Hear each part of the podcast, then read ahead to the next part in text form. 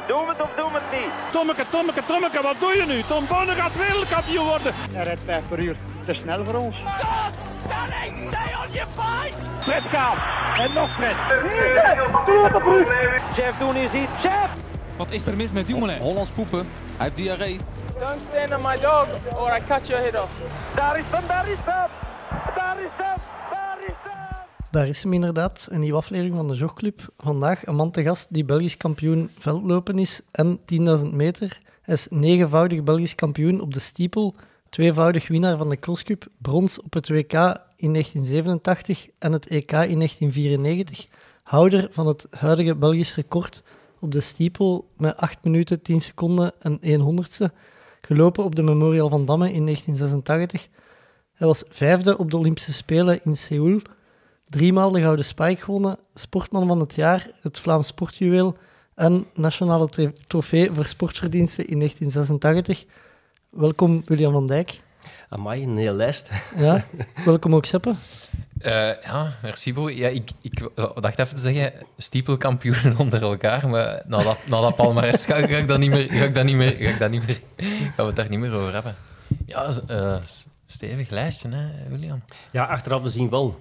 Ehm, maar ja, als atleet ben je nooit tevreden. Dan wil je altijd eh, sneller en verder en doorgaan. Hè? Ja.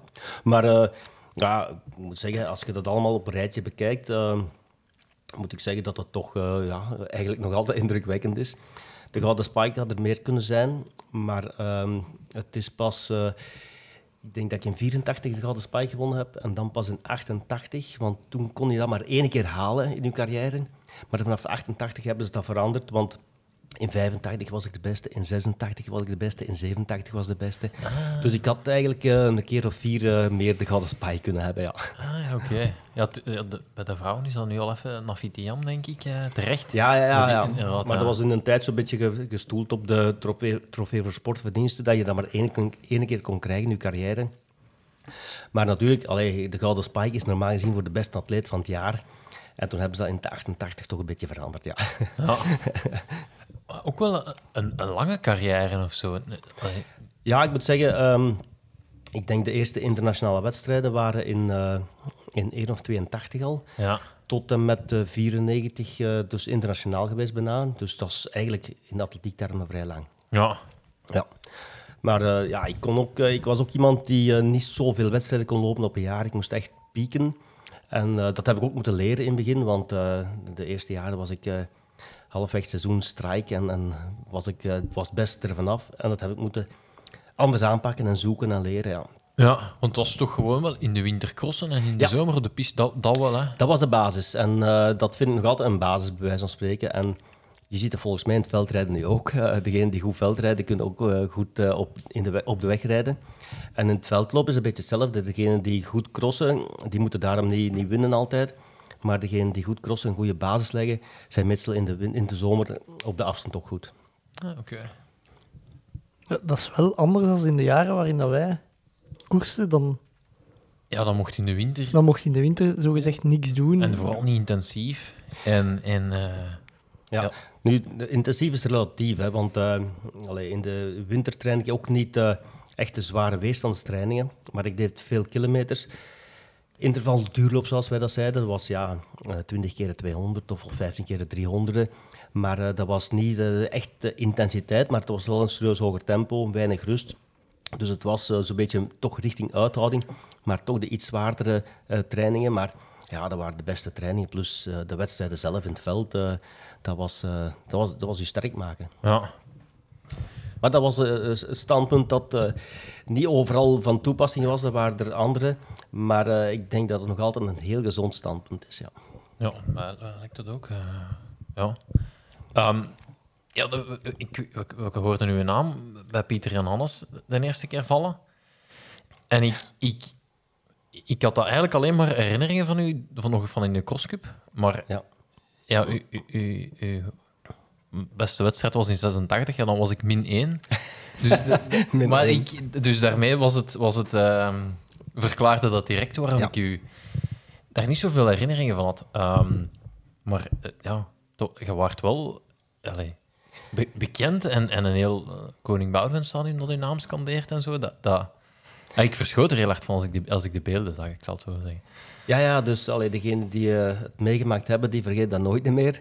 Ehm, want ik denk dat het een unicum geweest is op de Memorial dat iemand van eh, eigen land een beste wereldjaarprestatie daar neerzet. Ja. Eh, dus, en ja, dat stadion stond inderdaad in, in vuur en vlam.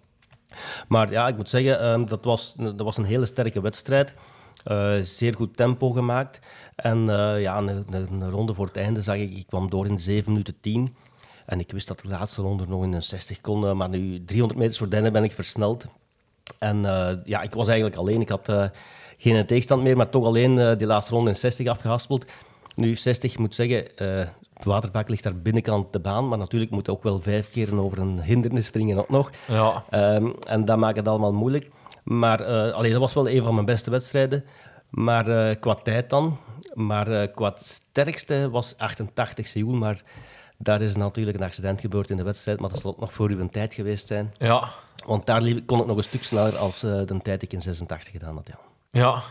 Ja, aangetrapt in, in, de- in de ja voorlaatste aangetrapt ronde. in de, ja, laat zeggen, een kilometer voor het einde. Het belangrijkste moment in de wedstrijd natuurlijk. Want anders hadden ze hem daar nooit van het podium gelopen. Daar was ik eh 100% zeker van. Dat was zoals eh Fred de Burggraven in 96 zei. In het kopje zat het al goed. Het moest er alleen nog uitkomen. En eh, allee, ik was toen supersterk, mentaal en fysiek. Nooit beter gezeten. Maar ja, je mocht geen tegenslag hebben. Hè. Ik zeg niet dat je geluk moet, he- moet hebben, maar je mocht geen tegenslag hebben. Ja. Ja. Maar goed, dat is het moment en het is voorbij en het is gedaan. Hè. Ja. Ja. Is dat dan wat je zei, dat je als sporter, eh, als we je palmarès opnoemden, dat je, dat je niet snel tevreden bent? Is dat dan de, de Olympische... Ja, Medaille? eh, Dat, dat mankeert toch een Olympische medaille. Als je op het Europese wereldkampioenschap eh medaille haalt, ja, dan is het logisch dat je het ook op, op het Ja. Olympische Spelen eentje haalt. En ik zeg het, ik heb toen, eh, denk ik, half finale liep ik 8-15. De laatste ronde heb ik moeten omkijken, want ik dacht dat ik een ronde te veel aan het lopen was. Ik zag niemand meer. Eh, en allee, als ik toen doorgelopen had, had ik al eh, naar die 18 kunnen lopen, bij wijze van spreken. Want dat was echt de laatste 300 joggen. Ehm, en de finale zat, zat alles goed. En ik was op alle scenario's voorbereid, maar niet op dat. ja. Dat was onvoorzien, ja. Ja. Maar goed, ja. En mentale voorbereiding is een groot onderdeel geworden in, eh, in de voorbereiding vandaag de dag. Hè. Ja, zwaar. En wat, wat gebeurde er juist? Iemand trapte nu een spike uit? Ja, op het moment dat ik de waterbak overschreed, ehm, bij het neerkomen wil ik juist mijn voet eh, terug, ja, gewoon de st- volgende stap zetten. Maar op dat moment gaat een Engelsman op mijn voet staan, de binnenkant vooraan. En eigenlijk werd ik aan de grond genageld even. hè. En, en je ziet dat bloed spuiten, dat is echt, dat was een gigantische straal. Echt? Eh, ja, eh, en op dat moment dacht ik, ja, het is gedaan, ik, ik stop ermee. Maar dan toch nog even eh, zitten, zitten kijken naar die voet, maar, maar niet meer geconcentreerd. Ja, en het heeft een ronde geduurd. En ja, een ronde, waterbak buitenkant, dan is het maar een goede ronde meer. Ja, en, en dan is het te laat. Hè. Dus mentaal ben je even weg. Geloof je even niet meer in je kansen. En ja, op slechtste momenten in de wedstrijd, eh, het belangrijkste moment. En dan is het, dan is het over en out. Hè. Is Want eh, ik was niet moe als ik aankwam. En is dat goed gekomen met die voet? Ik ben twee keer genaaid, eh, letterlijk, Eh, door de dokter van het Olympisch Comité. Ehm, en ja, ik moet zeggen, eh, ik voel het nog, want dat was echt pijnlijk, zonder verdoving, onderaan de voet. Ik moest dan nog, eh, want voor de wedstrijd stond iedereen van het Olympisch Comité te kijken natuurlijk, want er was kans om- op een medaille, hè, de bronzen van het Olympisch Comité. Na de wedstrijd heb ik niemand meer gezien. Die waren allemaal met auto's daar, maar ik moest nog twee, bijna twee kilometer pikkelen met een poot eh, die genaaid was om naar de bus te geraken. En toen heb ik gezegd, amai, ja, eigenlijk telt er voor die mannen maar één ding. Dat zijn hun poppetjes, die moeten presteren. En als ze niet presteren, op naar de volgende. Maar dat ze wel presteren mee op de foto. Dan, mogen ze graag, dan gaan ze graag mee op de foto natuurlijk. En op zich niks abnormaal natuurlijk. Maar eh, allee, op dat moment had ik toch iets meer menselijkheid verwacht. Ja. Ja. Was dat er dan gewoon door, echt? Ja, ja, dat was, eh, maar, eh, was een serieuze slip binnenkant eh mijn voet.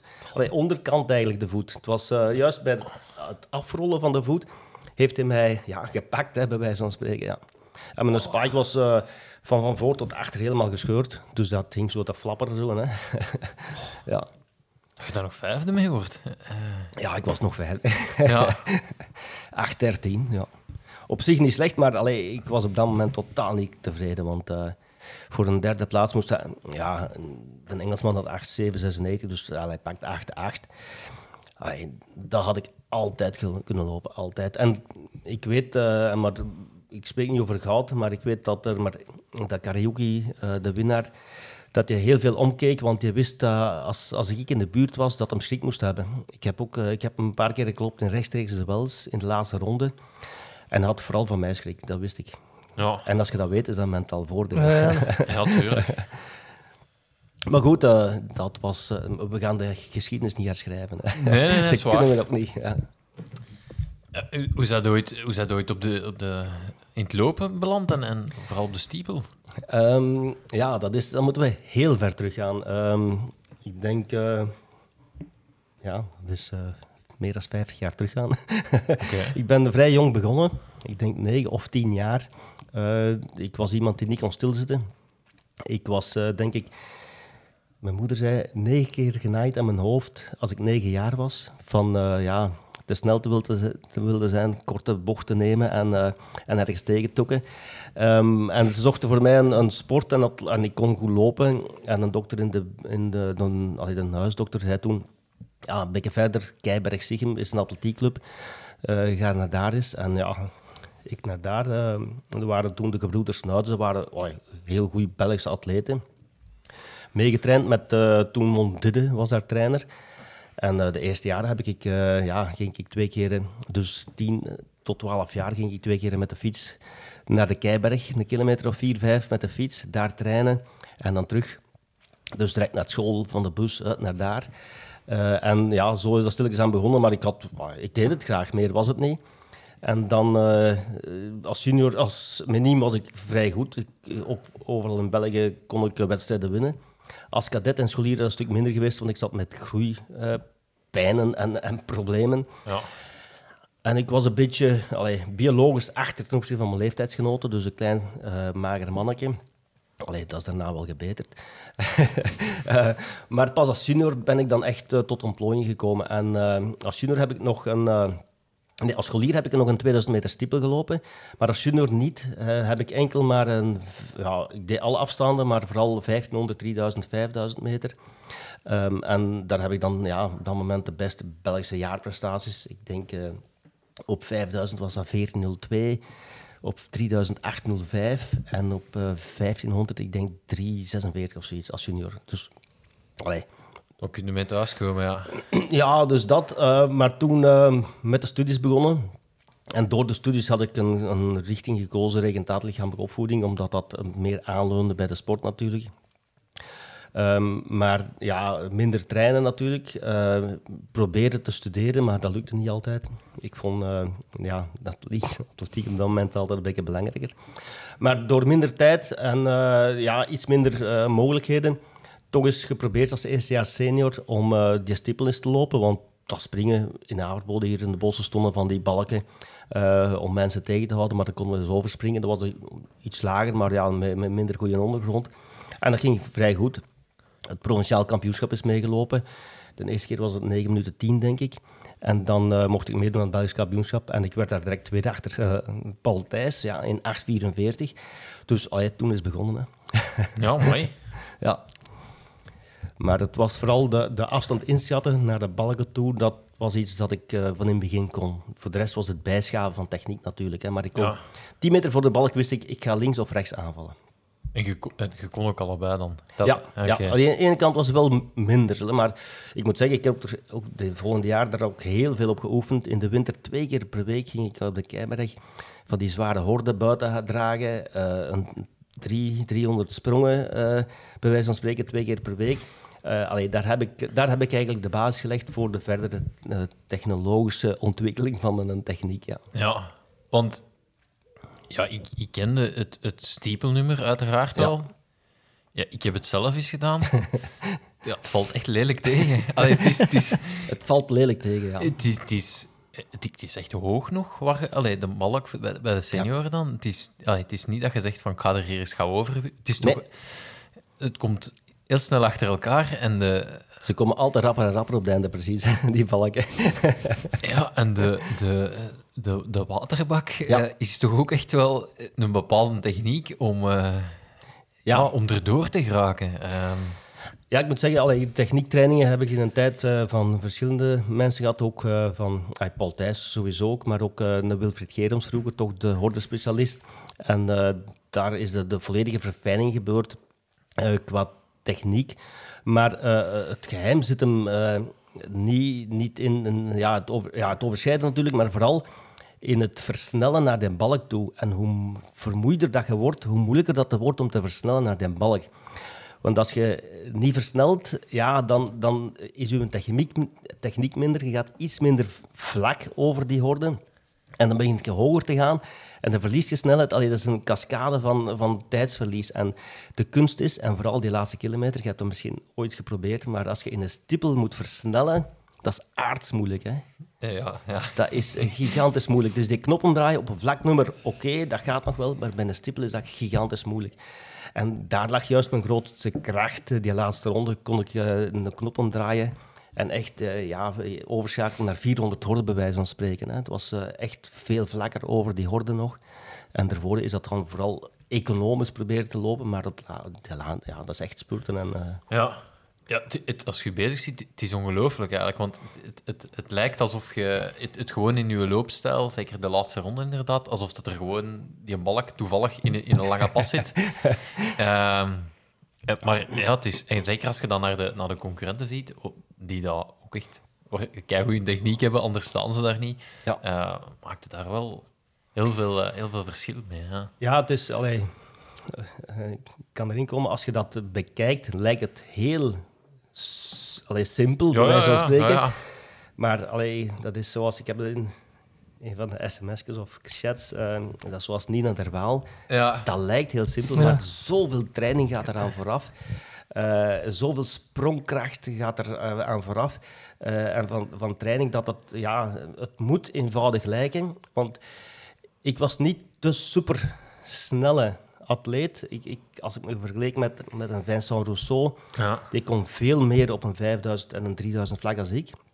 Maar ja, ik, door de combinatie met het springen kon ik op een heel hoog niveau eh, meedraaien. En allee, bij mij was het verschil tussen een vlaknummer en een stippel tussen de 20 en de 25 seconden. Dus meer niet. Eh, bij een gemiddelde andere stippelloper zal- het eerder een stuk 25, 30 seconden zijn. Maar goed, je zit daar in een redelijke range en, en dat is het verschil tussen winnen en verliezen natuurlijk. Hè. Ja. Maar vooral als ik er de laatste ronde bij was en ik was in orde, eh, had ik van niemand schrik. En ze wisten ook, als ik, eh, en ik begon van vrij ver voor dat uit te spelen in feite, altijd vanaf een 300 meters.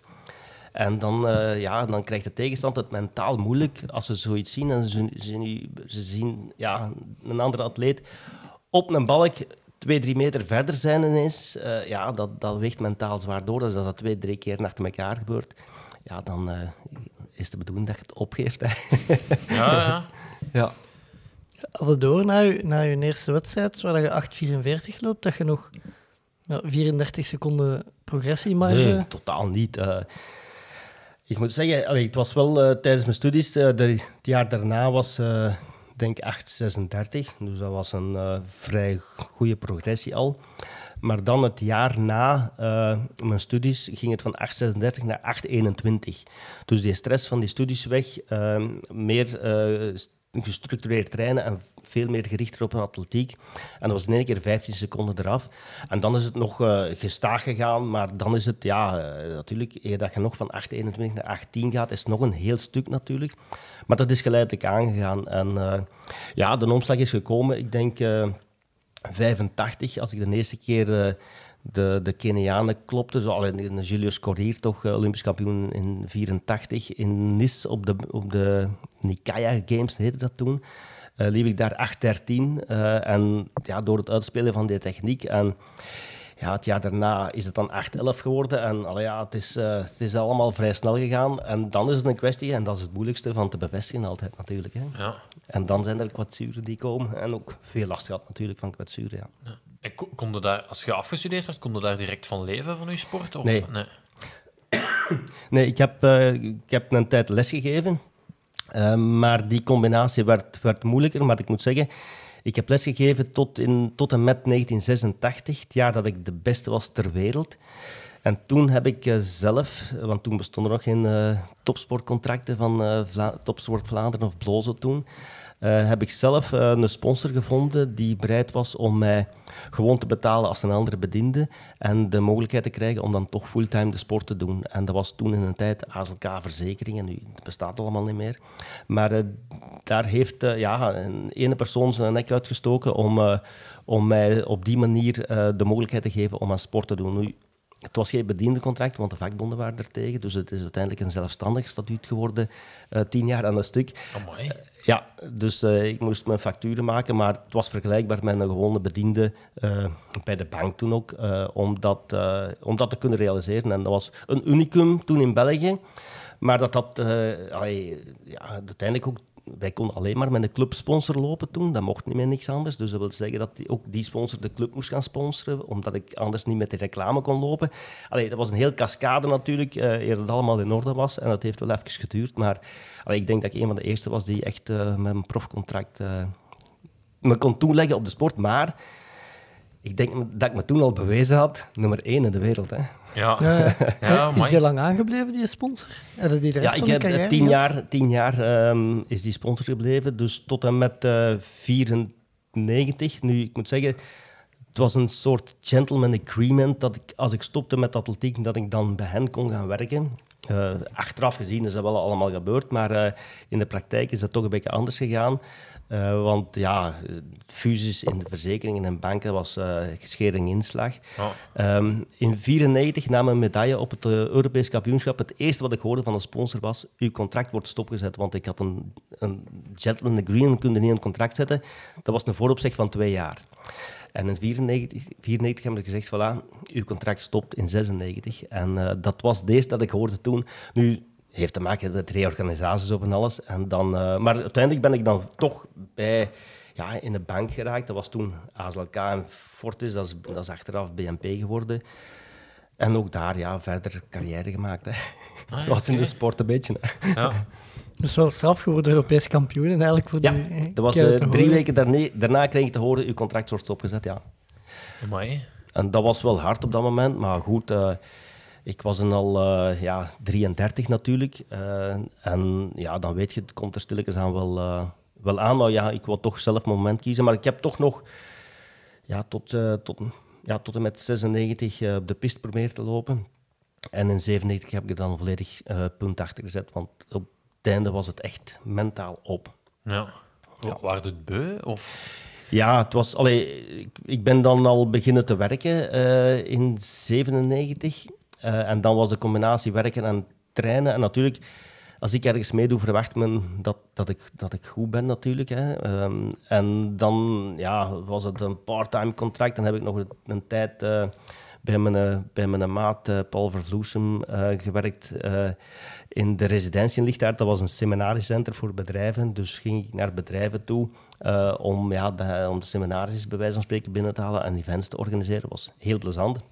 Maar dat was in combinatie, want bij de bank eh, waren ze toen een beetje aan het lijntje aan het houden. Allee, opleiding van, eh, als zelfstandige, maar dat was echt... Allee, we spraken toen over eh 1000 euro bruto, denk ik, hè, toen. Hè. Ehm, daar moest ik nog zelf mijn belasting en sociale bijdrage van betalen. Ah, toen was ik 36 jaar, maar ik wou dat doen, ik wou investeren, ik wou opleidingen volgen. Maar na een half jaar ja, bleef dat duren en toen heb ik gezegd, ja, ofwel eh, ik ben iets anders aan het zoeken, dan stop ik ermee. En eh, ik had al iets anders bij mijn maat, de, de Vervloesem. En, eh, de- maar die, die wou uitbreiden en die zei, ja, het begint dan eventueel half-time. En toen heb ik bij de ander gezegd, ik zeg, we stoppen ermee. Ik zeg, ja, maar dan kwamen ze ineens af, ja, maar we willen een contract onbepaalde duur aanbieden. Ik zeg, nee, het is te laat. Ofwel half-time, ofwel niet meer. ja. Dat is goed, zeggen die mannen. ik heb dus halftime bij die en halftime bij de ander, maar dat was niet vol te houden. Plus nog trainen. Eh, en dat was een beetje te veel van het goede. Maar eh, uiteindelijk dan toch teruggekozen voor de bank, omdat ze dan toch uiteindelijk eh, over de brug kwamen. Een anciëniteit mee gingen tellen van die tien jaar. En zo verder. Dus is dat wel uiteindelijk in die richting uitgedraaid. Maar goed, het is een, een, hobbelig parcours geweest. Maar ik wist als ik, want ik heb veel periodes van kwetsures gehad. En dan hoort je niemand meer. Toen wist ik al op vrij jonge leeftijd, na de carrière moet je toch zien dat je iets hebt, want eh, het stopt dan effectief helemaal. Ja. ja. Heb de, heb de, als je zelf eh, een sponsor zocht, was dat iets dat je zelf naar op zoek bent gegaan en, en zelf hebt moeten onderhandelen? Of, want ja, als er geen voorbeeld is. Nee, dat was, eh, dat was een beetje zoeken. Ehm, dat was eh, ja, een vriend eh, die mij meenam naar een, een opening van een, een nieuw kantoor. Hij zegt, ja, er komt een grote baas. daar moeten we toch eens mee babbelen van die dingen. En meegegaan. En ja, die mens was effectief geïnteresseerd in sport. En die verstond niet dat, ja, dat wij geen contract kregen of vast kregen. Of dat wij al, nog altijd amateur waren. En allee, dat was ehm, Herman Schoofs. Herman Schoofs ehm, en die man ja, die was zo bezeten om, om, om daar iets voor te doen, dat je, ja, dat heeft een paar maanden geduurd, want dat was de eerste bedoeling, bediendencontract. Dat is uiteindelijk zelfstandig geworden. Maar die wou echt effectief iets doen in de sport eh, voor mij. Natuurlijk, eh ASLK was toen eh, zowel Vlaanderen als Wallonië. En aan de Waalse kant moest er dan ook een, een oplossing gevonden worden voor iets dat daar tegen stond. Want er moest altijd, ja, zoals het de goede Belgische verhoudingen, eh, Noord-Zuid. En toen is eh, Jean-Michel Jean Seyve daar in zicht gekomen om daar ook een soort contract te krijgen. ja. Ja, eigenlijk, ik ken dat vooral van de sportzakken zo. Ja, juist. Ja, ja, ja, wel, dat was vroeger, ja, de, de spaarkas. eh, iedereen vroeger, allee, een stuk voor uw tijd, eh, ja, iedereen spaarde bij de, de spaarkas. Hè, dus eh, dat was met, eh, met nog boekjes en stickertjes en zo van alles. Ja. En eh, geld mee naar school nemen. En nu, die ene tijd is lang door, maar eh, dat was, ja, vroeger, eh dat was er niks anders, bij Ja. wijze van spreken, ja. Eh, ja, je zit dan nummer één van de wereld. Ja. Is er dan, krijg je dan niet wereldwijd aanvragen om, om te gaan lopen? En is, is er... Hoe, hoe, zat dat, hoe zag dat eruit? Of, eh, Ja, ik moet zeggen, ehm, ik ben er altijd vrij consequent in geweest in mijn, in mijn wedstrijdplanning. Ehm, nu, ja, als je op dat niveau zit, dan kun je kiezen natuurlijk. Hè. Daarvoor was het eh, blij zijn dat je ergens mocht meedoen. ja. Maar van, vanaf het moment dat je internationale wedstrijden begint te winnen, wordt dat een stuk gemakkelijker. Eh, maar ja, daarvoor was het, allee, als we dat vandaag zien, veel moeilijker tegen toen. Toen waren er veel meer wedstrijden, binnen- en buitenland. eh, kleinere wedstrijden waar we altijd wel terecht konden. En er was ene persoon die overal connecties had, dat was Wilfried Meert van de Memorial van Damme. Dus Wilfried was organisator, maar langs de andere kant kon hij ook andere atleten in alle meetingen eh, ter wereld eh, plaatsen. En van het moment ja, dat je een beetje beter begint te presteren, goed, dan, dan kon hij allee, u altijd binnenkrijgen. En het voordeel was dat hij dan ook andere atleten meepakte die ook nog mochten meedoen. Dat was een, een pakket van atleten die dan, eh, dat hem dan Ja. op die manier binnenbracht. En dat was een, een, een mooi systeem. Maar ik heb me ook nooit allee, laten leiden door die aanbiedingen. Want ik weet nog, eh, ik denk, was, pardon, was in, ik denk in 85, ja, wat, wat hij absoluut dat ik in Oslo ging lopen, begin juli. Ik had lang op voorhand tegen Wilfried gezegd, ik zeg Wilfried, dat past niet in mijn planning. En tot de laatste dag heeft hij geprobeerd om, want hij had het waarschijnlijk beloofd, ik weet het niet, maar ik zeg nee Wilfried, het past niet in mijn planning. Ja. En Oslo was natuurlijk wel een heel grote meeting op dat moment. Maar eh, allee, ik was er heel consequent in. Ik wou niet meer lopen als... Want, en je weet dat, Stiepel is mentaal een hele zware wedstrijd. Dus ik kon er maar een aantal per jaar lopen. eh, plus de kampioenschappen waren er zo'n drie op mijn rij meestal. Dus daar beperkte ik me zoveel mogelijk. En ik was, ja... Ik heb niet gekozen voor het geld. Ik wou, ik wou de kampioenschappen lopen. Ehm, want, allee, voor het geld is allemaal goed, maar dan kunnen er nog maar twee of drie meer lopen dan anders. Maar, Ja. Het is niet dat je daar eh, kunt op rentenieren. Hè. Nee. Eh, hoe, hoe zat het toen met de populariteit van, van, van dat stiepelnummer? Ehm, ja, dat is, eh, ik moet zeggen, de, ik heb de, de, allee, de, de Afrikanen, de Kenianen vooral, waren al langer natuurlijk op toneel. Maar in de 86 in Zurich was het de eerste keer dat er zes of zeven Kenianen mee aan de start stonden. Dat het eh, ja, een beetje begon af te schrikken. Maar allee, ik heb die mannen allemaal achter me gelaten toen, geen probleem. Maar eh, je voelde dan dat er toch een andere dy- dynamiek kwam. En eh er waren ja, supertalenten tussen. Hè. Allee, Courier en, en waren nog de normale atleten. Maar dan is er een Kiptanewi gekomen en zo van alles. Allee, dat waren mannen die, die allee, als ik op training zag, 400 tien keer in 4,55, dacht ik, allee, dat is een andere dimensie, een andere wereld. En eh, ja, die leven ook wereldrecords natuurlijk. Maar als ik dat dan achteraf bekijk, zijn er een aantal uitzonderingen geweest. Uh, maar als ik vandaag zie met mijn, zelfs met mijn 18 01, uh, zou ik sinds 2000 nog altijd in de top 10, top 12 van de wereld staan. Dus dat wil zeggen dat allee, zelfs in tijd van toen is nog altijd een sterke tijd, bij wijze van spreken. Hè. Ja, Eh, ik zag beelden van, van het eh, WK waar je, waar je derde werd. De stiepelbak lag aan de buitenkant van de piste. Ja, Hoe, als- hoe anders is dat als, als aan de binnenkant? helemaal anders. Die, die rondes zijn veel groter. Hè. Ja, ja, ja, oké. ja, ehm, en dus, dat was voor mij eigenlijk iets meer een nadeel. Want bij mij is het beter dat de balken en de waterbak zo kort mogelijk achter elkaar komen. Als je aan de buitenkant is, dan, ja, dan, dan moet je, heb je veel langer stuk aanloop en uitloop terug naar de laatste rechte lijn. Dus eh, in dat opzicht was dat voor mij wel een, een nadeel. Maar eh, langs de andere kant, en ook een beetje moeilijker om, om te, te kijken, ja, wat tussentijden, 1000, 2000 meter, was het altijd een stukje moeilijker om, om in te schatten. Ja. Maar eh, ja, uiteindelijk, drie kilometer is drie kilometer. Hè. Ja, ja, dat is waar. Ja. Ja. Ja. het, het, het, het leek mij, als ik het zag, was waar lopen die nu naartoe? En dan inderdaad, eh Ja, met is- veel het is- kegeltjes. eh, ja, het is, eh, het is een stuk eh, lastiger. En ja, het is een heel lange laatste allee, rechte lijn, bij wijze van spreken. Hè, want je komt ver. Rond, ja. Ja. ja. Ja, inderdaad. Maar ook daar, ja, ik denk in mijn strafste laatste ronde was, dat was in, in 86 eh, ook. In de, toen heette het nog de Grand Prix finale en nu de Diamond Leagues. Het was een vrij tactische wedstrijd. En eh, een goede 600 meters voor het einde heb ik me op kop gezet, omdat het de groep eh, zo door elkaar dan, en te traag, ja, dan loop je in elkaars zwaarwater en, en op elkaars voeten. Dus vrij snel aan kop gekomen. En dan eh, geleidelijk aan van 500 voor het einde de tempo beginnen op te trekken. En Karaoke ging mee. Maar, en dat was mijn sterkte. Ik versnelde elke laatste 100 meter. Dus elke, van 400, 300, 200, telkens sneller, hè, sneller en sneller. Plus de techniek erbij. En er was bijna nooit iemand die nog kon volgen als ik dat op die manier deed. En toen was het ook de waterbak aan de buitenkant. En ik denk dat ik eh, onder de 61 zat, de laatste ronde, eh, met de waterbak aan de buitenkant. Dus je zit nog met vijf balken en een waterbak. En je loopt, eh, ja, en, en er waren negen banen in Rome toen. Dat was dus echt heel ver buiten de, de piste. Dus dat was een gigantisch snelle ronde, ja. Oh my. Ja, ind- indrukwekkend. Ehm, En intrinsiek was ik niet zo snel, maar als ik op dreef was, eh, bleef ik gaan. Het wa- het was dus zaak voor gewoon te zien dat je er nog bij zat in de laatste ronde. En dan... Vaak, maar goed, ja, je, moet, je moet altijd eh, top zijn. Hè, want eh, er gewoon bij zijn, eh, als, als het gedaan is, is het gedaan in de stippel. Hè, dan, Ja. is het, eh, dan, kun je meer, eh, dan zijn die balken precies eens te hoog. En eh, ja, de laatste ronde maakt het verschil in de stippel qua tijd, sowieso. Maar als het niet goed ging, ja, dan, dan loop je 10 seconden trager, bij wijze van spreken, de laatste ronde. hè. ja. Eh, ik zou zeggen, neem ons eens mee naar ehm, de avond in 86 Oei, ja. op de Memorial. Hadden, Ja. hadden allee, wist op voorhand dat je goed waart en dat je daar...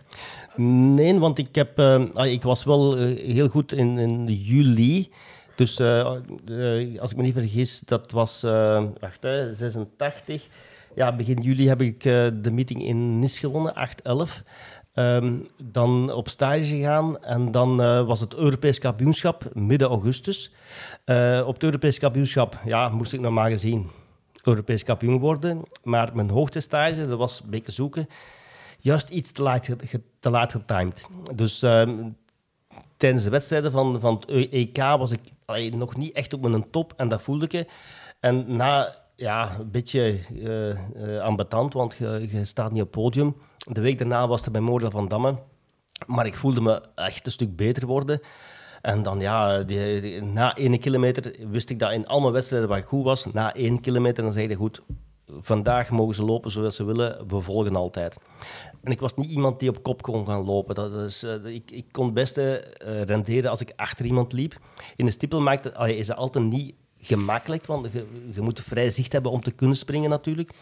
Maar eh, allee, daar is de derde positie altijd ideaal, want de eerste springt, de tweede gaat de bikken naar rechts om die een balk te kunnen zien. En degene ruimte. derde hangt, die hangt- heeft terug ruimte om te springen. Hè.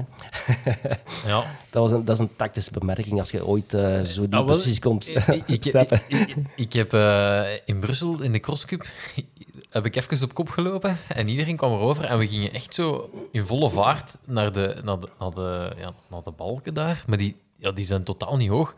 Maar ik zag die echt niet, ik zag die echt niet, ik zag die echt niet komen en dat was echt heel beangstigend om... eh, ineens waren die daar en moesten wel Ja, ja, springen. ja, ja. Dus eh, Ja. eh, tot zover mijn, mijn ervaring om van in groep over een balk te springen. Nu, ja, in zo'n wedstrijden wordt alles met een tempomaker georganiseerd. En in dat opzicht was onze vaste haas Jos Maas hè, in een tijd. De eerste kilometer eiste 1500, denk ik. En dan eh, de tweede eh, stuk heeft eh, de Spanjaard Sanchez... nu was een, een goede stiploper, heeft daar het tempo gemaakt tot 2 kilometer. Of zelfs tot bijna 2 kilometer 2. Eh, en dan Colin Reeds, Karaoke en ik gingen dan een stukje weg. En ja, die voorlaatste ronde was bij mij altijd de moeilijkste. Eh, de stadionspeaker toen in de tijd, Wilfried Geroms, begon aan te moedigen met een naam te scanderen. En je hoort dat wel op de achtergrond, maar ik ben zo geconcentreerd. Maar ja, dan die laatste ronde, ik zeg het, ik zie die 7 minuten en 10 staan op het, op, eh, het tijdsbord. En ja, dan, dan was ik vertrokken. Hè. Eh, en op dat moment begon iedereen recht te staan en te roepen. En ja, je wordt daar mee gezogen eigenlijk. Hè. En, eh, maar je, bent- je blijft nog altijd zo geconcentreerd op die balken tot de laatste. Want het is zo gevaarlijk van even die concentratie te verliezen. En, en ja, je ligt er. Hè. Dat is, eh, dus het is, het is een moeilijkheid. Je wilt ervoor gaan. Je hoort dat het geluid van die mensen allemaal roepen en tieren. Maar die balken die blijven komen. En dat is eigenlijk eh, ja, een uitdaging. Maar goed, het is gelukt. En dan, ja, dan moet je de eerronde lopen natuurlijk. Hè. En, ah, dat is, dat is ja, indrukwekkend. Dat kunnen we maar één keer meemaken eigenlijk in eigen land. Zoiets, ja. Het is, de, de video's staan nog online op Sporza. Ja, Het is echt indrukwekkend. Hè? De, de stadionspeaker die, die William begint te scanderen en heel het publiek dat volgt. Ja. Eh, Ja, van het moment dat je echt op kop komt, is het echt... Ja, ja, je toen hoort het, begon en ik, ja, ja. ik vermoed dat ze ook geen micro's in het publiek hebben gezet. Dus het nee, nee, nee, echt- nee. Toen zot, bestond zot, nog niet. Ja. zot luid geweest zijn. Ja. Ja, mensen werden gek. Hè. Degene, allee, ik ben er eh, nog jaren tegengekomen die, die daar in dat stadion zaten. En, en die begonnen er ook wel over aan te spreken. hè. Dat was voor die mensen ook een unieke ervaring. En allee, er zijn nog eh, internationale toppers die op die avond goed gepresteerd hebben. Maar allee, dat was allemaal bijzaak. Ja. Uiteindelijk. Allee, ik bedoel, een Belg die dat kan winnen voor eigen volk, ja, dat is voor die mensen ook eh, een unicum. Hè. En, en ja, ik was, ik was er deel van. Hè, ja. Wat voor status hadden dan als sporter? Waar de, waar de, eh, de, de Pieter Jan Alles vergelijkt met, met Frank van den Broek, het is misschien niet, zo, niet, niet altijd... eh, maar hij zei wel dat je, dat je ja, wat charisma had en dat je, dat je super populair was, dat er echt veel mensen naar u kwamen, echt effectief ook kwamen kijken. Hoe, hoe- ik denk dat voor elke sporter zo wel geldt. Hè, dat allee, de fanclubs, bij wijze van spreken, die bestonden toen nog niet echt. Maar er waren mensen die inderdaad eh, graag naar mijn wedstrijden kwamen kijken. Nu, ik was iemand die niet eh, hoog van een toren blazen. Ik, zal, ik had al nooit gezegd hebben van... ah, ik ga nu dat of dat doen. Nee, nee, ik moest eerst de wedstrijd aanvoelen en dan zagen we wel. Ehm, maar ehm, ja, ik legde mezelf ook altijd voldoende druk op. Ehm, want als je niet goed bent, dan moet je zelfs niet meedoen. Hè. Nee, nee, nee. En in dat opzicht ehm, heb ik me toch een paar keer ook zelf bepaalde doelen gesteld. Op voorhand bijvoorbeeld eh, voor in 94, Helsinki, Europees kampioenschap. Eh, de nacht van Heuzen was het toen al, ja. Eh, ook gezegd, voilà, ik wil onder zeg maar iets 8,24 lopen of 8,23. Ik zeg, want anders ga, ga ik niet. En ik liep onder die 8,24. Uiteindelijk haal ik nog een bronzen medaille. Ehm, soms zijn het ook te streng voor jezelf, want een- elke wedstrijd is anders en, en kan anders evolueren. Maar eh, ja, ik, ik denk dat ik altijd vrij eh, eh, nuchter gebleven ben. Nooit grootspraak en, en vooral ja, de benen laten antwoorden en, Ja. en, en presteren. Hè, ja. Dat was het enige wat telde. Hè. De Memorial, dat, dat is dan, dat is dan s'avonds in, in, in de zomer. Hoe is, die, hoe is die avond geëindigd? Is dat, is dat, ja. Een volksfeest geworden? Nee, is dat, nee, nee, nee, Met nee. dat thuis geraakt? Of, of Ja, we ons ik- daar maar voorstellen? Ik reed altijd eh, zelf met een auto naar Ginder, want dat was al het, het, het meeste stressmoment. Dat is met een auto vertrekken thuis en Ginder aan, op de parking aankomen. Want je weet nooit, dat was toen ook al met de, De ring. de ring eh, van Vilvoorde, bij wijze van spreken. Eh, dat was het meest stressige moment. Maar na de wedstrijd, ja, je gaat nog een beetje uitlopen terug. en ja, je rijdt terug naar huis. Hè. That's it, hè. Want de week daarna was er terug een wedstrijd, hè. En eh, dat was dan de, de Grand Prix finale in Rome. Ook een belangrijke wedstrijd. Maar allee, we zijn thuisgekomen en ons bed gekropen. Hè. Allee, de Memorial, eh, je vertrekt daar eh, half twaalf, twaalf uur, half één thuis. En dan is het tijd voor mij te slapen. Ja. Voetballers die, gaan dan nog, die vertrekken dan nog. Maar nee, nee, nee. Ehm, dat was, ik heb dat ooit ene keer meegemaakt bij de Interland. Toch een beetje langer blijven hangen. En de week daarna voelde dat direct in de wedstrijd. En eh, dan zeiden nee, nee. ehm, back to business. En eh, ja, zo heb ik nog bijvoorbeeld wel voorbeelden. Eh, Olympische Spelen 92, mm, eind juli, begin augustus. Ehm allee, ook finale gehaald. Ehm, en de judoka's die zeiden achteraf... Ik was begon al terug te trainen, want het was nog maar half het seizoen. Oh, ze zeggen, ga je nu al terug trainen? De riem eraf toch? Ik zeg, nee, nee, er volgen nog wedstrijden. Hè. En bij judoka's, een week na hun wedstrijd, waren die 5 tot 10 kilogram bijgekomen, bij wijze van spreken. Ja. Die zitten met gemistcategorieën, dat is nog een beetje anders. Maar bij ons is het simpel. Hè. Eh, als je je laat gaan in het midden van het seizoen, ja, dan moet je de rest van het seizoen vergeten. Hè. Dus dat was eh, altijd eh, back to business, ja. Ah, ja. ja, van Barcelona hebben we wel, schoon verhaal van Sydney Appelboom, hebben we daar wel schone... Allee, Ja. dat, daar, dat daarnaast de sport nog wel wat anders te beleven was en zo. Ja, heb- heb je dan achteraf zo geen spijt dat je, dat je er genoeg van genoten hebt? Ja. Ja, ik moet zeggen, ehm, meedoen aan de Olympische Spelen is eigenlijk eh, al een unicum op zich. Ja. En ik weet dat, en de zwemmers die kwamen altijd volgens mij de eerste week eh, aan bod. En eh, ik denk dat ze het sinds toen een beetje het systeem veranderd hebben. Degenen die gedaan hadden met hun sport, die mochten naar huis, want anders was het te erg.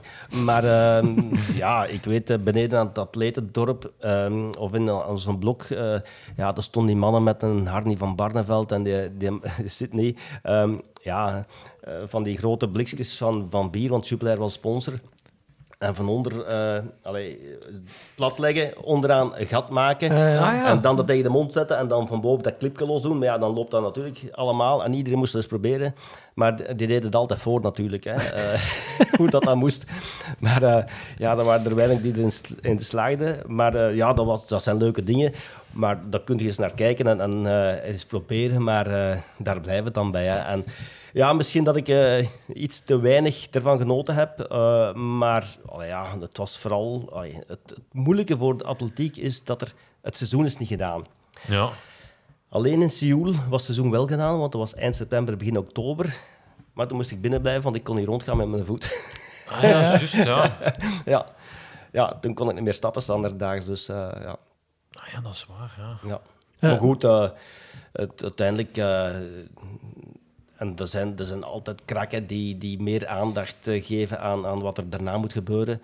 Maar zo zat ik eigenlijk nooit in. Om, Oh, ik zeg ja. het omdat ja, er waren nog wedstrijden. En, dan, eh, en mits de lange afstandslopers, die, die waren heel gedisciplineerd. Spurters, eh, kampers, dat was iets anders. Ja. ja. Allee, kun je een finale lopen en dan zeg je, oh, lichte verrekking. Die zal misschien, het, zal, het, zal, het, zal de, het zal deze zomer wat minder meetings zijn. Ik, Ja. ik zal de crosscup wel terug meepikken. eh allee, Ja. Maar de beroepsernst was, was wel... eh, Ja, eh, pas op, je, je hebt er ook een, een allee, vond ik toch een bepaalde verantwoordelijkheid, want je had een sponsor. Ja, snap ik, Unicum eh, in België op dat gebied. Dus allee, je kon dat ook niet zomaar, allee, bij wijze van spreken, daar niet correct tegen zijn. En allee, dat hoorde allemaal samen eh, eigenlijk bij mij, ja. Oh, mooi. ja. Eh, op de beelden van de memorial duwen ze u na de finish een, bli een blikje of zo in je handen. Ja, ja, ik had dorst. Ja, maar maar Je ziet het ook terug... Je ziet het u binnenkappen en je ziet het ook even terugkomen, precies. wij vroegen ons af wat dat was. Of dat, of dat bier was, of dat nee, het het- was cola. Hè. Dat was, Ah, ja. was cola, ja. Ja. Ja, ja, maar eh, Als ja, het- de, de Josma's die duwden dat in mijn handen. En allee, na, na de wedstrijd goed, ik heb dorst natuurlijk gedronken, maar ik denk dat ik dat vrij rap aan de kant gezet Ja. heb, want ik moest mijn eerronde gaan lopen. Maar ik heb er eens- maar eens even aan, eh, aan gedronken en, en dan verder. Hè. Maar eh, het, was, het was een cola. Ja. Ehm, ja, de, de, je, je zei er juist, ja, je, moet, je moet echt super geconcentreerd blijven. Eh, ik ken de- deze weekend het nog naar u. Wij krijgen heel vaak ehm, mislukte waterbakpogingen doorgestuurd. Ja, sinds dat jij een stiepel hebt meegedaan, sturen mensen ons. Ja. Ja, ik was me toen ook niet zo bewust van hoe fout dat, dat wel degelijk Ja. kan lopen. Eh, Hebben ze er zelf eh, ooit eens in de, in de bak beland? Nee, nee, nooit in de bak beland, maar wel eh, links of rechts naast me heb ik er wel in de bak zien belanden. ehm, met een mooie duiksprong en zo van alles.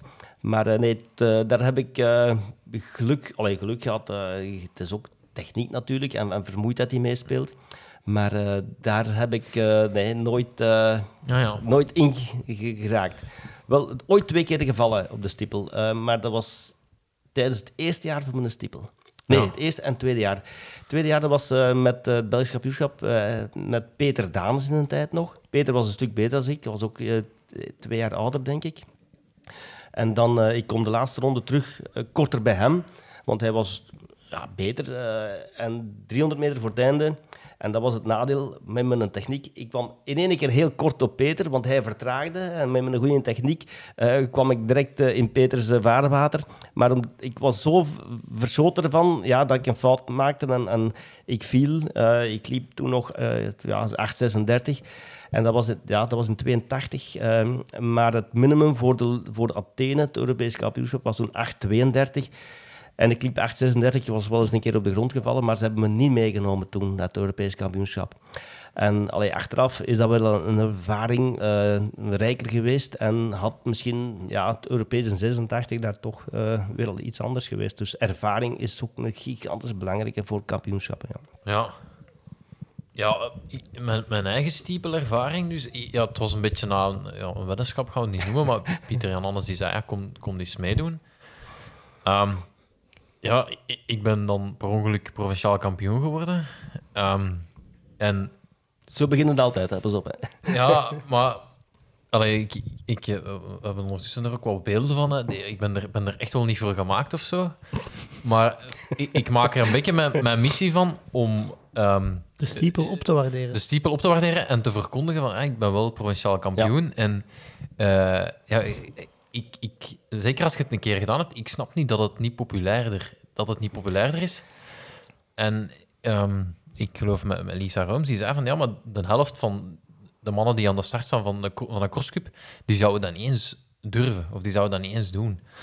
Ehm, ik, vind dat, ik vind dat zo jammer dat het, dat het niet populairder is. Dat er, dat er, Ja, ik moet zeggen, allee, volgens mij probeert er wel veel atleten dat een keer te doen. Maar ze on- ondervinden eh, dat dat zo moeilijk is om één, je tempo goed hoog te houden. Die combinatie met dat springen, dat dat eh, heel veel afschrikt. En in een tijd, zelfs op mijn niveau, had ik een, een twee, drie wedstrijden nodig op, eh, om mijn beste wedstrijden naar boven te krijgen. Puur dat gevoel van, van die balken, dat ritme. Ehm, maar daar komt de mensen niet aan. Dat zeggen ze ene keer, zeggen, oh, wat een miserie. eh." en dan ja, beginnen ze te hoog te springen de laatste kilometer. En dan, dan zien ze nog veel meer af. En ja, het is een, een veel zwaarder wedstrijd dan een vlak nummer natuurlijk. Hè. ja, Vooral mentaal, hè, ja. Ja, ehm, want het, het was eh, twee weken terug was het eh, Interclub. Zeven dagen voor, eh, voor de Interclub eh, kreeg, ik, Ja, ja. kreeg ik nog een noodoproep van mijn, mijn toch wel ja, geen kleine club, de, de Club Leuven, die, eh, die nog een stiepelloper zochten. Ehm, ja, ik, ik, Ja, inderdaad. En toen raar. moest ik wel denken, jongens, was wel een beetje voor te lachen ook. Van, het, was nu ook niet de bedoeling om daar, om daar carrière in te maken of zo.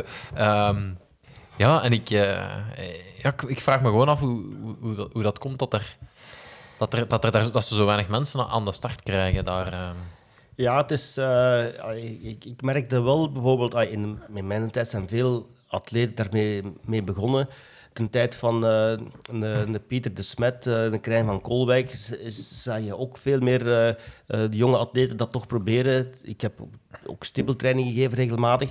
En dat waren enorm grote groepen eh, waar je stippeltraining aan gaf in feite. Dat je zegt, allee, er zijn toch veel jongeren die dat willen of durven doen. Maar natuurlijk, als je het dan puur technisch bekijkt, eh, ja, dan zijn er weinigen eh, in de wieg gelegd om te zeggen, jij moet er eens in verder doen.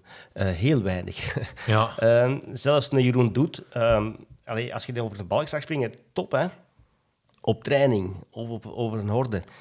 Maar een wedstrijd, eh, tot halfweg ging dat. En daarna was dat, allee, die, die techniek was weg. En dat is ook een kunst. Het is, het, is, allemaal een combinatie van. Maar ik moet zeggen, in een tijd waar er toch heel veel jongeren die dat probeerden, maar het is voor weinig weggelegd. Hè. En, en vooral, een stiepel, ik zeg het, is veel zwaarder. Als ze een 3000 gaan lopen, bij van spreken, kunnen ze volgende week terug een 3000 gaan lopen. Maar voor een stippel is dat toch een stuk anders. En eh, ja, ze zien veel meer af. Hè. Want die balk, als je echt moet gaan springen, het is niet meer over lopen. Hè, want eh, eigenlijk moet je erover lopen. Maar als je echt begint met springen, ja, je staat stil naar zo'n balk, je moet terug optrekken. En die tijden trekken op niks meer natuurlijk. Hè. En dat motiveert niet. Hè. Nee. Ja. Ja, nee, dat, dat was bij mij ook. En ook vooral, je zet, allee, zeker als je de waterbak niet zo machtig zet, je zet echt zeiknat. Allee, het was Ja. niet, het is niet, ik dacht, maar mijn benen gaan wel nat zijn. Nee, je zet echt wel de eerste keer in de waterbak en je, Ja. je krijgt echt water tot, tot in je nek, echt. Hè. Dus, Ja, ja, ja, ja. Maar dat is, eh, bij een waterbak moet je echt eh, durven spurten naar die balk. Hè. Maar natuurlijk, eh, je moet je, je voet juist op die balk zetten. Niet ervoor of niet erna. Juist op die balk. En dat is ook training. Maar als je niet durft versnellen, ja, dan, dan, dan sta je in het midden van een waterbak eh, stil, bij wijze van spreken. En dan ja, ben je kletsnat. Hè. ja, ja. Maar als het warm weer is, is dat plezant. Hè. Eh, ja, ja. ehm, ja, Jeroen Doet heeft, heeft, eh, Deze week zijn afscheid aangekondigd. heeft zijn, Ah, afscheid, ja? zijn afscheid aangekondigd. De, de laatste Belg die naar de Spelen is geweest op de, op de Stiepel, denk ik. Ja. Ehm, ja, Pieter Jan Annes is, is er nu mee bezig. Kunnen, gaan we Pieter Jan... eh, nee? Gaan we, gaan we hem de Spelen zien? Of, of, ga- Ik denk het niet. Eh, ik denk, eh, het minimum is, wat is het, 8,22 of zoiets. Eh, Ja, dat zie ik hem niet lopen. Ehm, nu, eh, pas op, het is, eh, hij mag proberen. En eh, op het vlakke, eh, Pieter Jan kennende, zal hij eh, toch onder de, stuk onder de 7,50 moeten kunnen lopen. Eh, om naar die, de 8,22 te kunnen gaan. En eh, allee, het, het moet eerst van het, het vlakke, maar het is niet omdat je ook 8,45 kunt, of 7,45 kunt lopen op het vlakke, dat je in de stippel een half moet, moet bijtellen. Hè. Dat is bij iedereen verschillend. En als je je techniek niet traint of onvoldoende traint, vooral in de winterperiode, dan gaat dat goed tot aan kilometer 2 en dan is het over en out. Hè. En Ja. dat is het grote probleem.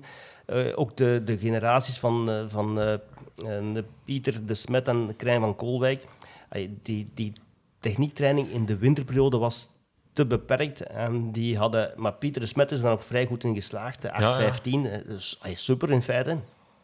Maar ze dachten dat mijn record vrij gemakkelijk ging gekopt kunnen worden. Maar allee, eh, onder de 28 lopen is, is, eh, is doorlopen. Hè.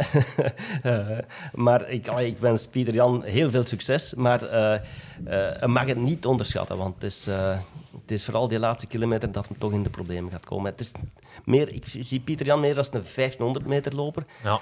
En voor de stiepel moet je eigenlijk de uithouding hebben van eerder een 5000 meter loper. En dat zie ik in Pieter Jan ietsjes minder. Natuurlijk, hij kan lange crossen, hij kan, hij kan eigenlijk alles. Maar die dimensie van dat springen en, en dat ehm, eco- economisch blijven springen tijdens de wedstrijd, dat gaat eh, heel zwaar doorwegen. En het is vooral die laatste kilometer, maar ik heb graag dat het me het tegendeel bewijst. Ja, ja. ja. Dat het kan. mooi zijn, hè? Heb je, heb je tips voor hem? Heb je... Heb je eh, ja. Ja, ik denk vooral eh, werken op die, op die eh, uithouding. Want eh, een, een 3000 meter stippel is, ligt korter bij de 5000 als bij een 1500, bij Ja. wijze van spreken. Dus een stuk eh, langere eh, afstanden. Maar eh, vooral die, die techniek. Hè, ehm, als je vanaf de eerste kilometer niet ontspannen kunt springen, ehm, ja, dan haalt je de drie kilometer niet. En, en dat is altijd de moeilijkheid. Ik kon dat eigenlijk heel goed. Ik kon me echt afsluiten van de wereld en die, die ten hielen van mijn voorganger eh, in doog houden. Natuurlijk ook die balken. En hoe moeilijker dat ik het kreeg, hoe meer dat ik me probeer te ontspannen. Elk spiertje aan mijn lijf. eh, om, om toch maar te kunnen volgen. Eh, van het moment dat je dat kunt in een stiepel, dan, eh, dan gaat je verder geraken. Maar ik weet niet dat, dat Pieter Jan tot aan die drie kilometer geraakt om dat zo op een zo ontspannen manier te blijven lopen. Ja. Ja. Ja, je mocht er streng voor zijn. Hij heeft mij toen ook laten zitten uiteindelijk op het, eh, op het PK. Dus, Eh, ehm, ja, ik, ik, ik denk vooral ook dat het, dat het ehm, een mentaal een heel zwaar nummer is. Omdat ja, ik, ik heb daarna heb ik nog een 10.000 gelopen. Ik was zo content dat die balken weg waren en dat ik maar gewoon moest, moest lopen. Ja, en, en je moet naar niks alleen lopen en dan voor niks anders aantrekken. En dat is totaal anders. Maar ook bijvoorbeeld, allee, het mooiste voorbeeld vind ik de Mil Puttemans. Ja. Wereldtopper. Dus, ja, onder de 740 op 3000 vlak. Is maar aan 7, 7, eh, 827 geraakt. Hè. Allee, dat, is, dat is voor een wereldtopper, bij wijze van spreken. Ehm allee, daaraan zie je, het is niet omdat je heel snel kunt lopen op het vlakke, dat je een hele goede stippelloper bent. En dat, is, eh, dat maakt het gro- een groot verschil, ja. Eh, Als je iemand ziet lopen, zie je dat direct of dat hij eh, potentieel heeft om een stiepe loper te worden? Of, of zie je dat maar als hem, als hem echt ook gaat, gaat, gaat springen? En, Ja, ik moet zeggen, ehm, als je me vraagt, eh, vroeger, eh, nu het zal misschien niet veel zeggen, maar eh, Francesco Panetta, Italiaan, een kleine geblokte, ehm wereldkampioen, ge- wereldkampioen geworden in 87. Nu, het was wel een Italiaan, in de jaren 80 is misschien nog iets anders, maar goed. ja, dat was een geblokte, sprong te hoog, maar ja, na elke balk kon je blijven versnellen. Natuurlijk, als je dat kunt, ook de Afrikanen, die, die springen wel te hoog, maar die hebben zoveel souplesse en zoveel kracht, dat die dat elke, na elke balk kunnen blijven volhouden. Een Europeaan, meestal, is dat toch ietsjes minder. En allee, die, die, die souplesse moet er zijn. En dat zijn uitzonderingen. Een, een Panetta, ik zeg het, die kon... Ja, dat was een intervalwedstrijd voor die. Hè. Elke balk versnellen tot de volgende balk, stoppen, springen. Maar dat zijn er weinige gegeven natuurlijk. En je kunt dat niet altijd zien. nee. Dus ik, ik zie wel graag dat er heel veel souplesse is in de loopstijl. En dan gaat dat meestal wel iets vlotter. Ja. Maar er zijn zoveel verschillende soorten atleten. Ja. ja, ik denk aan de Robin Hendricks. Ik weet niet waarom. Maar het is, Lange benen. lange, Lange benen, lange dat- benen Die heeft de 5000 fi- meter. ja. Die heeft de fysiologie, inderdaad. Ja. Die zou het dus moeten proberen. Oké. we- We zullen hem eens op de beste dus, Ja, brengen. we moeten, we moeten hem eens... Moeten vooral zijn trainer dan ook overtuigen. En, Ja, ja het- er zou ook... Ik, maar ik weet, dat is misschien belachelijk, maar als er nu eh, de balk iets lager zou staan, zodat je dat, je dat al zou kunnen oefenen. Want eh, voor mijn wedstrijd waren de, de jeugdreeksen bezig. En dan, stond, 76, ja. en dan stond die balk zo nog aanvaardbaar. Maar dan zetten ze die op, op, op de hoogte. Dat is... Het is ja, indrukwekkend als je zo'n balk voor je ziet. Hè. Ja. ja, dat, dat, dat was... Allee, jij vond dat nog meeviel, Bobby, hè? Ik stond aan de kant. Ah ja, maar ja, Ja, het is, als je er echt gaat Ja, voorstaan, ik, is ik dat... moest er niet op aflopen. Ja, nee, ik stond aan dat de is, eh, zijkant. eh. En dat zag ik ook op, op de stiepeltrainingen. Eh, jongeren die, als we op het einde dan in plaats van de horde de balk zetten, en zelfs horde 76 voor de jeugd, maar die balk is zo indrukwekkend, zo zwaar, ja, dat valt niet om. Eh, de meesten hebben daar schrik van. ja, dat is wel intimiderend. Ja, ja. Maar goed, ja, dat is eh, ja, onderdeel, maar lager zoals het. Het was zelfs voor mij, zelfs als die op 76 zouden zetten, zou het voor mij een stuk moeilijker geweest zijn om gemakkelijk te kunnen lopen. Ja? Ja. Ja. Gewoon omdat je, omdat je met- minder snel aanvalt dan? Of... Ja, nee, dus eh, eigenlijk eh, mijn hoogte, allee, mijn, mijn, eh, het zwaartepunt van mijn lichaam, dat ging eigenlijk niet zo heel veel hoger bij die 91 balk. Als je op, op 76, ja, was dat eigenlijk een, een, een onnatuurlijke beweging dan voor mij precies. Natuurlijk, het is omdat je zoveel getraind hebt op die andere hoogte, maar ik had het moeilijker als, als, als ik over een lage horde moest springen, bij wijze van spreken. Dat is raar. Ja. Ja, Je bent de eerste Belg die een medaille pakt op een WK Outdoor. ja. Hoe, Ja. hoe, hoe werd dat onthaald in België? Ja, dat was natuurlijk een unicum. En eh, ik moet zeggen, op dat moment eh, je staat er niet bij stil. Maar eh, de jaren vorderen en dan uiteindelijk eh, allee, zijn onze dames er nog gekomen. En onze aflossingsploeg. Maar voor de rest zijn er nog niet zo gigantisch veel atleten Nee. erin geslaagd, individuele atleten, voor, voor medailles te halen op het WK. Kev- Kevin Borlée, denk ik nog, en Milanov. Ehm, Denk ik, hè? Want ik, ik, het waren er vier. Ik heb, ik heb het lijstje... Ik heb, het, is heel weinig. ja, het zijn er niet veel inderdaad. Uh, nog zeker, hè? Ah ja, Moerit. Ja, ja. Maar ja, Ze zijn niet geschrapt, of? nee, Ah, ja. Nee, dat nog maar niet. dit tellen we niet mee. Nee, nee, die tellen we niet, inderdaad. Die tellen, die tellen we niet mee. Ja, ik weet dat, ja, Pieter Jan Anders vertelde toch bij ons dat hij een strijd gestart was om de, De de vieze medailles, en, of de vieze Ja. records, te laten schrappen. Ja, ik, ik, ik begrijp dat, maar eh, we zitten met het probleem natuurlijk van, van een juridische kant. En eh, je kunt het nooit bewijzen, iets dat zoveel jaren geleden gebeurd is. Eh, natuurlijk, als ze ooit betrapt geweest zijn, dan, kan, dan kun, zouden kunnen zeggen, ja, eh, dan moet alles eruit van, van de vorige prestaties. Dat zou de simpelste geweest zijn. Maar ja, dan moeten ook eh, in andere sporten zo beginnen. Hè. Dan moeten ook een aantal wielrenners hun, Ja. hun eh, wedstrijden en hun overwinningen afpakken. En dat ligt moeilijk. Hè. En, en ja, ik denk niet dat er veel aan te doen is. Ja. Maar in, intern weten we dat wel.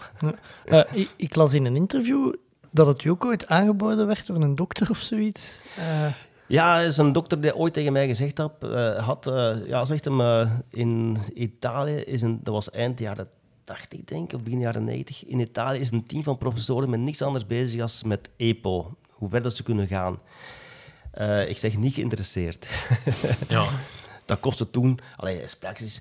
Dus op, ik spreek van toen, 1000 euro of zoiets van een kuur. Ik zeg, jongen, eh, ik zeg, vergeet het, hè. Eh, maar dat ging niet om dat geld. Bij mij moest het, was het puur, allee, daar begint het niet aan. Maar dat is ook de periode dat er veel jonge eh, sporters, veel jonge wielrenners eh, in hun slaap gebleven zijn.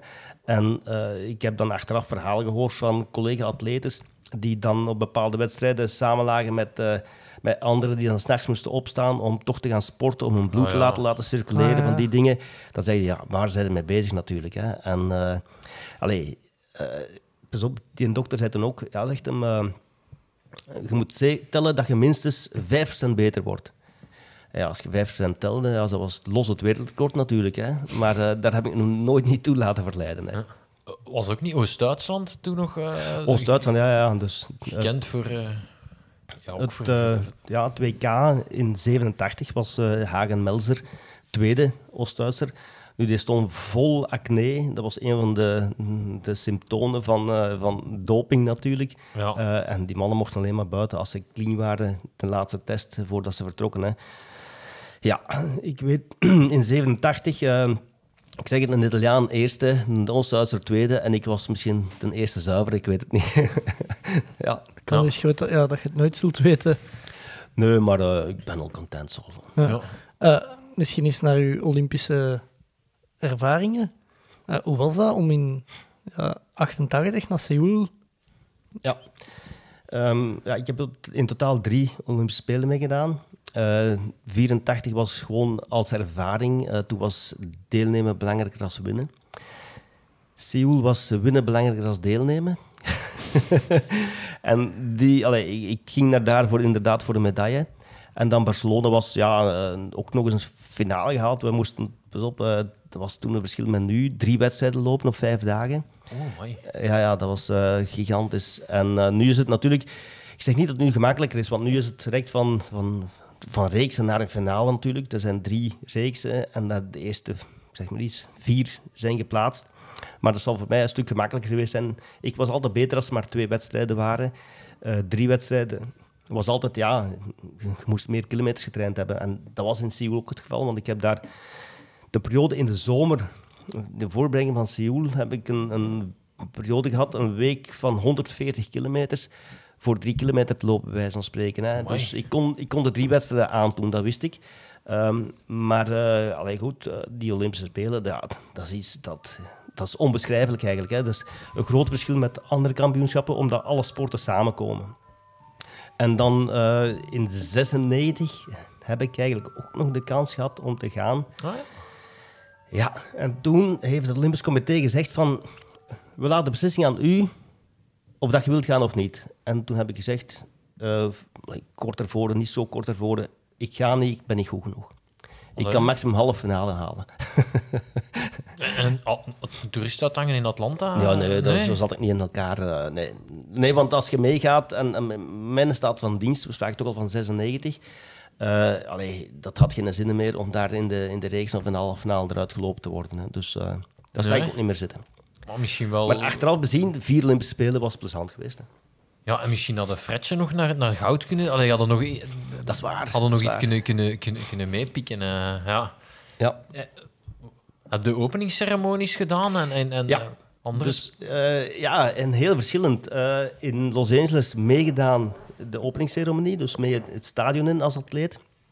In Seoul zat ik in het stadion, bovenaan in het stadion. En in Barcelona zat ik in een zetel hier. Ah ja. Ja, het was maar net twee uur vliegen, bij wijze van spreken. Dat is hè. waar. Ja. Dus, en het, het mooiste was eigenlijk in het stadion. Ah ja. ja. ja. Allee, ik bedoel, in het stadion kijken, hè? niet als Ja. atleet. Want als atleet, je moet daar uren staan wachten eer dat je in het stadion mocht. Want het is show eh, voor iedereen en nog wat. En dan moet je in het stadion en dan is eigenlijk de show gedaan. Hè? Ja, Ehm, dat is waar. maar eh, eh, in het stadion zelf aanwezig zijn, we zaten dan helemaal bovenaan. We, zaten, we zagen aan de buitenkant alles klaarzetten van al die landen. De- we zagen de show eh, in het stadion.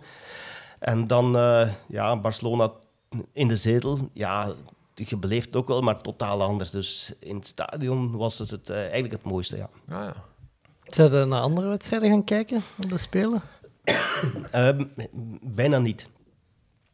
En dat was, het, eh, ja, dat was die, die focus op de wedstrijd. Hè. En er waren erbij die, die dat wel deden, eh, maar de meeste atleten niet zoveel. Zo, Het was ook niet altijd ter plaatse. Je moest altijd verplaatsen met bussen en dit en dat. En, en het was toch altijd warm. Eh, en je probeerde zoveel mogelijk energie te sparen. Dat is anders voor iemand die de eerste week deelneemt en die de tweede, die na, nadien geen wedstrijd mee heeft. Die kan perfect naar alle wedstrijden gaan kijken in de tweede helft van de, van de Spelen. Maar voor atletiek eh, was het altijd, ja, Op het einde. op het einde. Hè. Allee, ik moest dan drie wedstrijden op vijf dagen. Ja, de, de finale was dan ja, één of twee dagen voor het eindpunt. En dan was het eigenlijk gedaan. En er waren bijna geen wedstrijden meer. Hè. Ja. Ah, ja.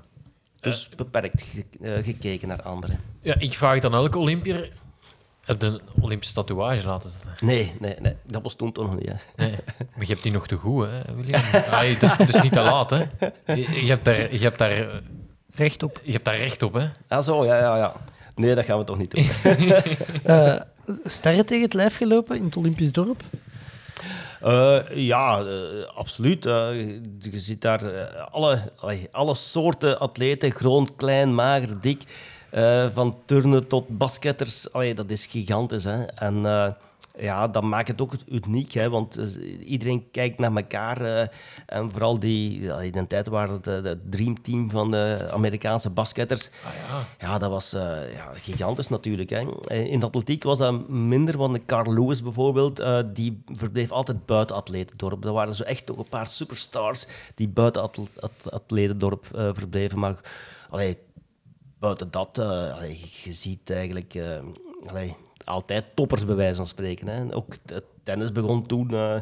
eh, dus, en dat waren mensen die ook allemaal in het atletendorp zaten. Dat was, allee, dat was de moeite, ja. Alle soorten en slag. Ja. En dan die turners, dat valt op dat dat dan, eh, als je dat op tv ziet, dat gaat. Hè, maar als je dan een dicht ziet, dan zijn dat van die dropjes zo. Dat is, eh, allee, Nina is een, echt een, een, een, een uitzondering, hè. Maar eh meestal die turners waren echt... Allee, je zag dat dat krachtige mensen waren, maar allemaal heel klein. hè. Ja. Ja.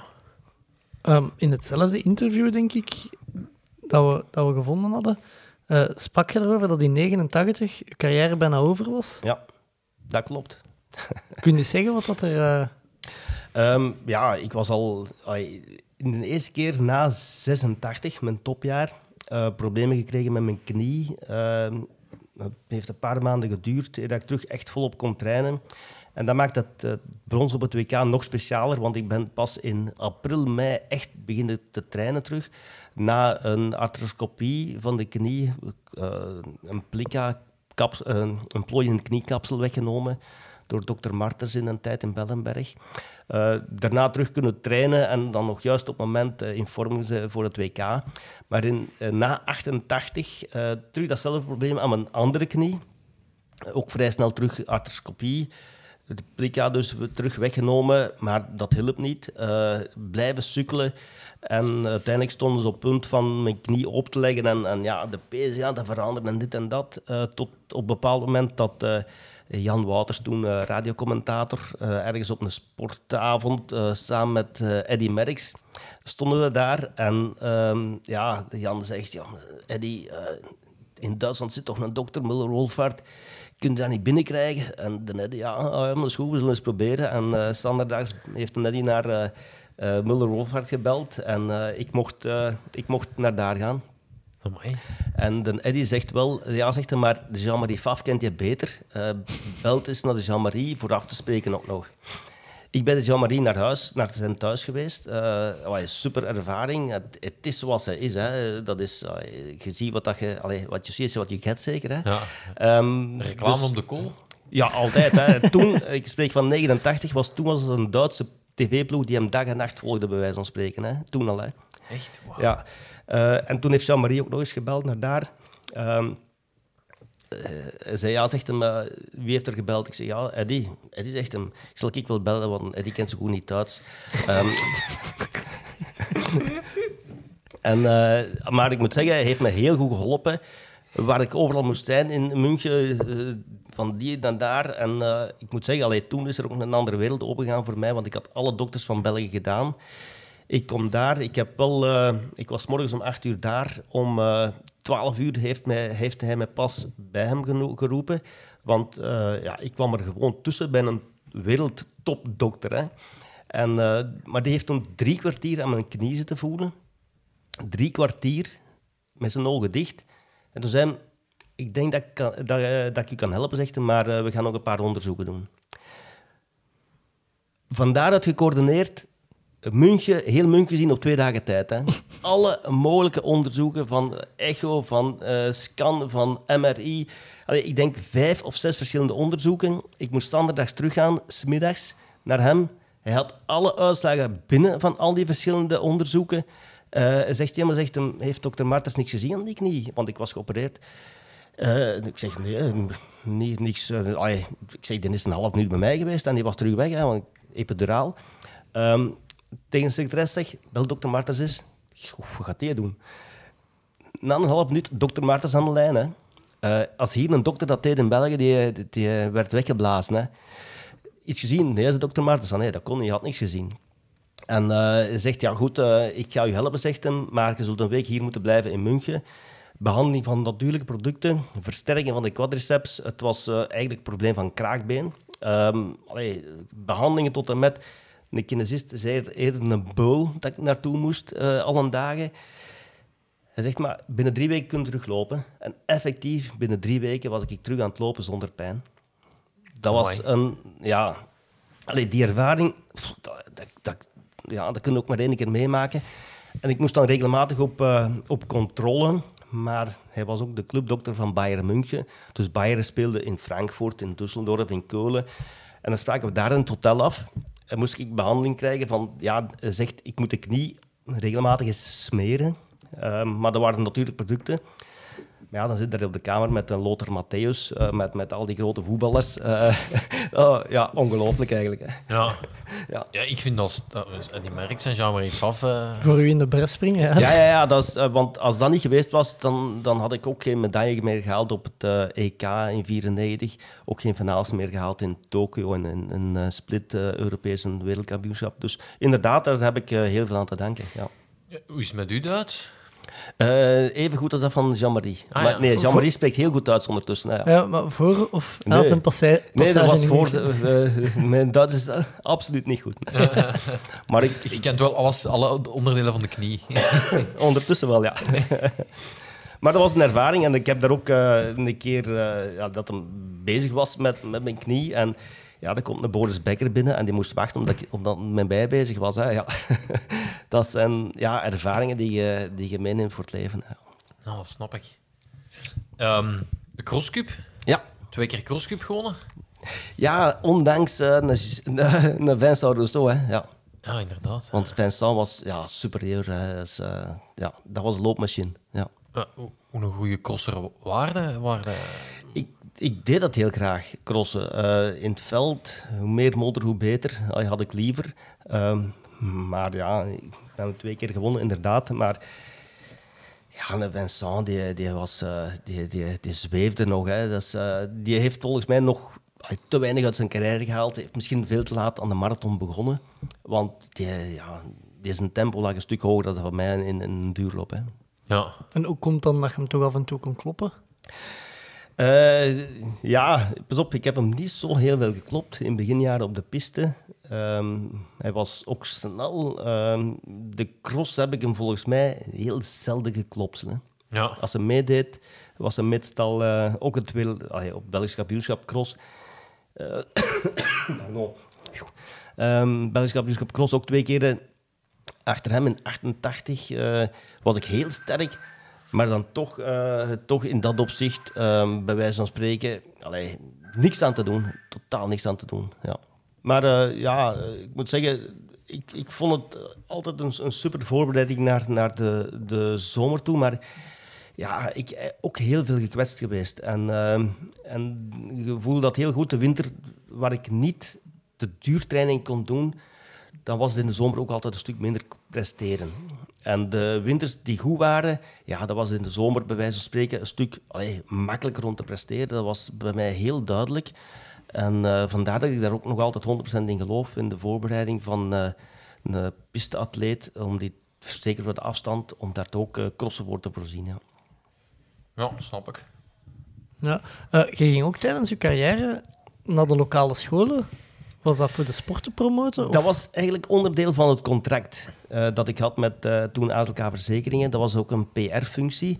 En eh, scholen en plaatselijke kantoren konden beroep doen op mij om ja, spreekbeurten gaan te houden of, of en, en- en scholen bezoeken. En dat heeft eigenlijk, ik moet zeggen, ehm, ik ben in heel veel scholen geweest vroeger. En dat waren toen ja, jongeren van het lager onderwijs, bij wijze van spreken. En als die dan u gezien hebben, ik moet zeggen, ik heb daar 10, 15 jaar na mijn carrière nog altijd reacties van gekregen van mensen die me nog altijd herkenden en zeggen, zeg, je bent toen bij ons in school geweest, hè. Maar ja, goed, eh, maar dat moet toch indruk maken op zo'n kleine begatter, bij wijze van spreken, als zo'n Olympische atleet op, op bezoek komt. Ja. En, maar dat was een soort ja, PR-functie die ik had en, en dat eh, was een onderdeel van, van de opdracht. Naast het trainen moest ik dat ook nog doen, ja. Hey, dat er daar niet meer stiepellopertjes uit zijn. Allee, ja, je gaat dan toch... Je zou zeggen, iedereen wil dat doen. Ja, ik herinner me eh, André Bonen, trainer Duffel. Zegt, ja, zegt hij, mijn dochter Tinneke is ooit eh, begonnen omdat ze u zag lopen thuis in een hof, eh stippelbalken gemaakt en zo van alles. Dus jongeren deden dat wel, maar natuurlijk, ja, eh, alles moet meezitten. Hè. Ja. In een gewone atletieke rijder is het al heel moeilijk om, om er te geraken en de stippel is nog een dimensie hoger, denk ik. Ja. Ik moet ineens aan Elise van der Elst denken. Die gaat volgens mij ook wel over, over een balk zweven. Of. Ja, die balken bij de dames staan natuurlijk een heel stuk lager. Maar eh, ze, heeft, ze heeft zo geen... eh, Oei. Ja, kleine brogel, hè. Ah ja. Ehm, maar eh, ze heeft niet zo'n soepel loopstijl. Ah, ja, oké. hè. Eh, maar, dat zegt altijd niks. Eh, ik denk inderdaad, als er bij de dames iemand dat is moet proberen, is het Elise. En natuurlijk, er zijn trainers, en dat was ook in mijn tijd, dat er eh, hadden de, de Bormans van Halen, de trainer toen van, van eh, Schots en, en, en Lismond en zo van alles, die zei tegen mij, "Oh, blijf van die stippel weg, zegt veel te gevaarlijk voor kwetsuren, niet doen, niet doen. Ja, totdat ik op een bepaald niveau stond en dan zijn we achteraf, je hebt toch een goede keus gemaakt. Ja. Maar trainers zijn er ook niet altijd voor te vinden, omdat ze weten, het houdt risico's in. En eh, dat maakt het ook altijd een beetje moeilijker misschien, ja. Ja. Ja, ik vind dat we gewoon heel vaak moeten zeggen hoe cool Ja. dat dat nummer is. Ja, maar dat En is dat ook dat, zo. dat, dat, dat, dat, het, het, dat zou het koninginnennummer van de Spelen of zo moeten zijn. Dat dat, dat, dat meer... Maar als je, naar, allee, als je naar wedstrijden gaat kijken en er is een stippelwedstrijd, dat is de wedstrijd waar de meeste mensen het liefst naar kijken. Hè. Dat is Ja. boeiend, er is altijd iets te zien, er gebeurt altijd iets. Dat is, is zo, ja. Eh, maar ja het, is, eh, het, is, ja, het is raar, inderdaad. Ja. Bij deze een oproep misschien, hè? Ja, ja, nee, nee. Ja, ik, ik hoop dat ik ook eh, dat ik mijn titel niet moet verlengen. om, om, om toch nog een jaar deze, deze voelt dat, want het was Ja. eh, Maar het is, allee, je, moet, je moet het altijd twee wedstrijden vrij kort achter elkaar gedaan hebben, vind ik. Voor echt te kunnen zeggen van het ligt me of het ligt me niet. Maar het zal bij de mensen eh, op zich niet echt gemakkelijk zijn. Ze hebben het gevoel dat het niet gaat liggen.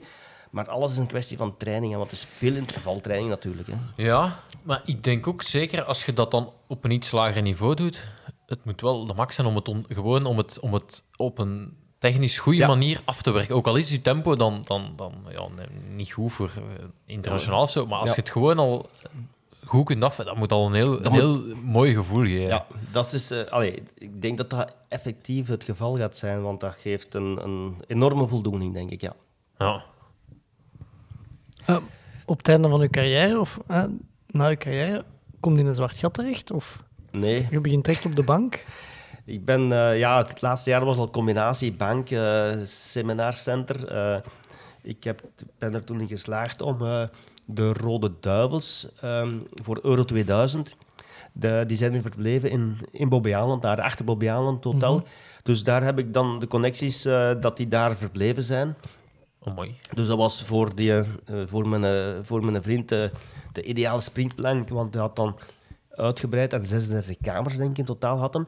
Dus dat was eh, ja, eh, een, een, een droomstart voor hem. Want na de Duivels zijn nog heel veel andere Europese ploegen regelmatig naar daar geweest eh, om, om, ja, als trainingstage. Dus dat, was, dat haalt wel resultaat achteraf blijkbaar. Dus dat was een hele goede reclame. Maar die combinatie was, was te moeilijk allemaal. Maar ik ben nooit in een zwart gat gevallen, want ik ben dan bij de bank begonnen. Maar in de bank moest ik van nul beginnen, bij wijze van spreken. Allee, in mijn middelbaar heb ik een technische opleiding gehad. Eh, de studies heb ik een pedagogisch-wetenschappelijke opleiding gehad. En nadien een economische opleiding. Dus, eh, en een commerciële. Eh, dus ik heb van alles wat gehad. Ehm, maar ook daar, en, en dat voel ik, zoals in de sport... ja, je wilt, je wilt alles kennen. Je wilt dat goed kennen. Je wilt dat, en, en dat is ook die gedrevenheid die daar boven komt, natuurlijk. En dan ja, op een bepaald moment... eh, dan eh stelden ze vrij snel de vraag: voilà, wil je dat kantoor niet gaan leiden en dit en dat? En allee, de eerste keer heb ik nog geweigerd. Dan heb ik gezegd: nee, want eh, en dat was bij wijze van spreken verwoord zoals, zoals een atleet. Ik zeg, als ik naar de Olympische Spelen wil gaan, ik zeg, dan wil ik heel goed voorbereid zijn en moet het op punt staan. Ik zeg, ik vind dat mijn voorbereiding nog niet genoeg of niet goed genoeg is om te beginnen bij die job. Natuurlijk, die wist niet wat ze hoorden. Ja. Eh, maar dan, na een half jaar, hebben ze het dan toch nog eens opnieuw gevraagd. Toen heb ik gezegd, goed, oké, we gaan dat doen.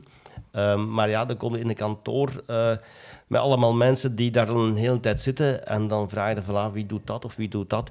Ja, ja jij, zeggen ze dan tegen mij. Ehm, dus dan voelde dat die mensen lang een beetje geroest zitten in die job.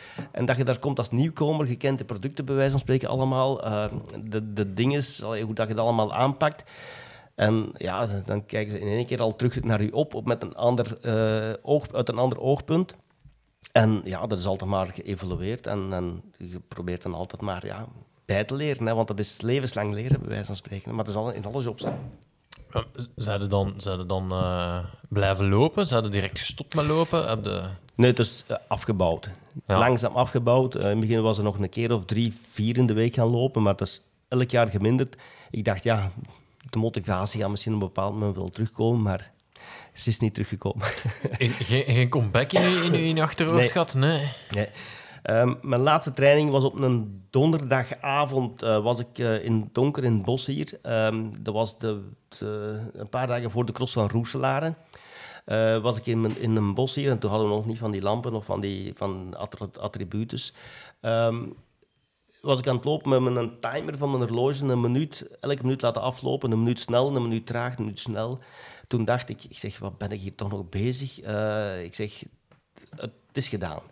En toen ben ik thuisgekomen eh, en ik zei tegen mijn vrouw, ik zeg, zondag is mijn laatste wedstrijd. Oh, dat heb ik al voor een paar keer gezegd. Ik zeg, nee, nee, zondag is mijn laatste wedstrijd. En effectief, Roeslaar was mijn laatste wedstrijd. Ook geen jogging meer gedaan. Niks meer, niks meer competitief. Oh, mooi. Ja, het was echt mentaal op. Ja. En, al- Heb je het aan de pers aangekondigd? Dat Ja, Roeselaar nu toen- laatste zou zijn? Ik heb het toen eh, aangekondigd. Eh Jos van Rooij heeft toen eh, ja, nog gezorgd voor bloemen en zo. Ehm, en ik had toen ook laten vallen dat eh, een atleet als Morit toen eh, nog veel meer in de watten werd gelegd dan ik. En ik werd toen in de pers voor een stukje ook direct bestempeld als racist natuurlijk. Eh, ja, dat was een beetje de tijdsgeest. Maar ik wist ook hoe dat Morit Belg geworden was en wat er allemaal achter zat. Ik wist het zelfs iemand van de pers ehm, die dat tegen mij verteld had. Maar ja, ze hebben mij wel gebruikt als spreekbuis toen voor een stukje natuurlijk. En dat was dan een heel andere weerklank natuurlijk. Maar goed, ik heb er echt geen spijt van gehad. Ehm, ik heb eh, mijn carrière gedaan zoals ik wou. En na de carrière ehm, heb ik geen zwart gat gezien. Ik wist altijd wat doen. Dus eh, dat was het belangrijkste. Zou dat atletiek nog blijven volgen? Ik heb dat eh, heel lang gevolgd. ook nog, ehm, ik heb ook nog lang bij, topsport, bij Atletiek Vlaanderen gezeten in het bestuur. Eh, in de topsportcommissie, eh, nog stippeltraining gegeven. Maar eh, ja, Atletiek Vlaanderen is dan opgedoekt geweest. Ehm, dat was zo'n beetje... Ja, voor Blozen was het een beetje een... een het was nog vis, nog vlees. Want At- Vlaamse Atletiek kreeg- subsidies. Atletiek Vlaanderen kreeg subsidies. Eigenlijk was dat ene pot, maar dat, dat, was altijd prul. Maar de topsportcommissie, ook een tijd ingezeten. Maar uiteindelijk was dat een commissie die moest er zijn om advies te geven aan, aan eh, de federaties. Maar je voelde ook dat eh, de beslissingen eigenlijk genomen waren. Het advies dat daar gegeven werd, werd niet veel rekening mee gehouden. En dan op een bepaald moment, ja, ik was meer dan twintig jaar eh, atleet geweest. Dan word je te oud voor zoiets. Ehm, behalve de bestuursleden, die, die blijven natuurlijk. Dat is iets anders. Eh, en dan nog stippeltraining, eh ook at- trajecten van de Vlaamse Atletiek Liga. Maar dat is ook een tijd allee, dat is ook Ja. gestopt. Dus eigenlijk, ik denk al zeker vijf, zes, zeven jaar dat ik eh, zo was niks meer volg. Ja. Ja. Eh, Buiten onze toppers natuurlijk, hè. ja, zoals, zoals Seppen. Hè. ja eh, ik zeg het niet graag, maar nog altijd ongeslagen op de stiepel. Hè. Ja, maar Ah, ik je- ga, je gaat me toch niet verleiden om weer te leggen. Ik kan er meer- niet meer meedoen. Ja, ze hebben...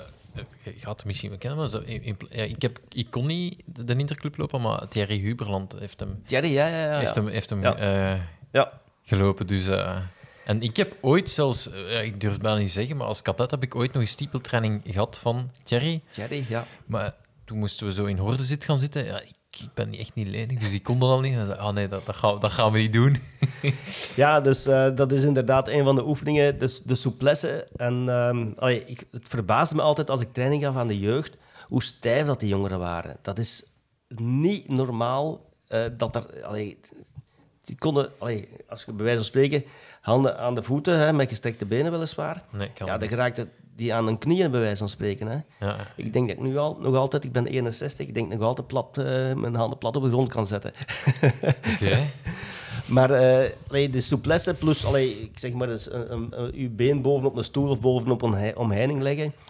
Uh, er waren erbij die, die eh, alles bijna braken om, om, om hun voet er bovenop te leggen. Hè. Dus ja, die souplesse is gigantisch belangrijk. En dat kunt ook oefenen natuurlijk. Hè. Maar Ja. voor een stukje heb je dat wel natuurlijk. Ja. Ja.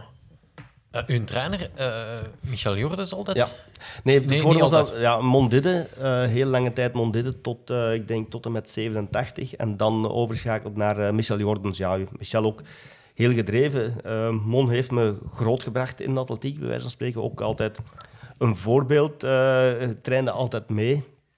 Eh, en Michel, ja, eh, tot in de puntjes alles voorbereiden natuurlijk, zo was hem. En alles opvolgen. En, ja, dus allee, ik moet zeggen, voor, met beide heel graag gewerkt, ja. Ja. Ja, geeft nu, Michel geeft nu nog altijd uh, stiepeltraining, denk ik, op... Stiepeltraining ook, dat weet ik nee, niet. Nee, het staat toch als stiepelcoach op de, op de, op de website van, uh, van DCLA. Dan is hem stiepelzot.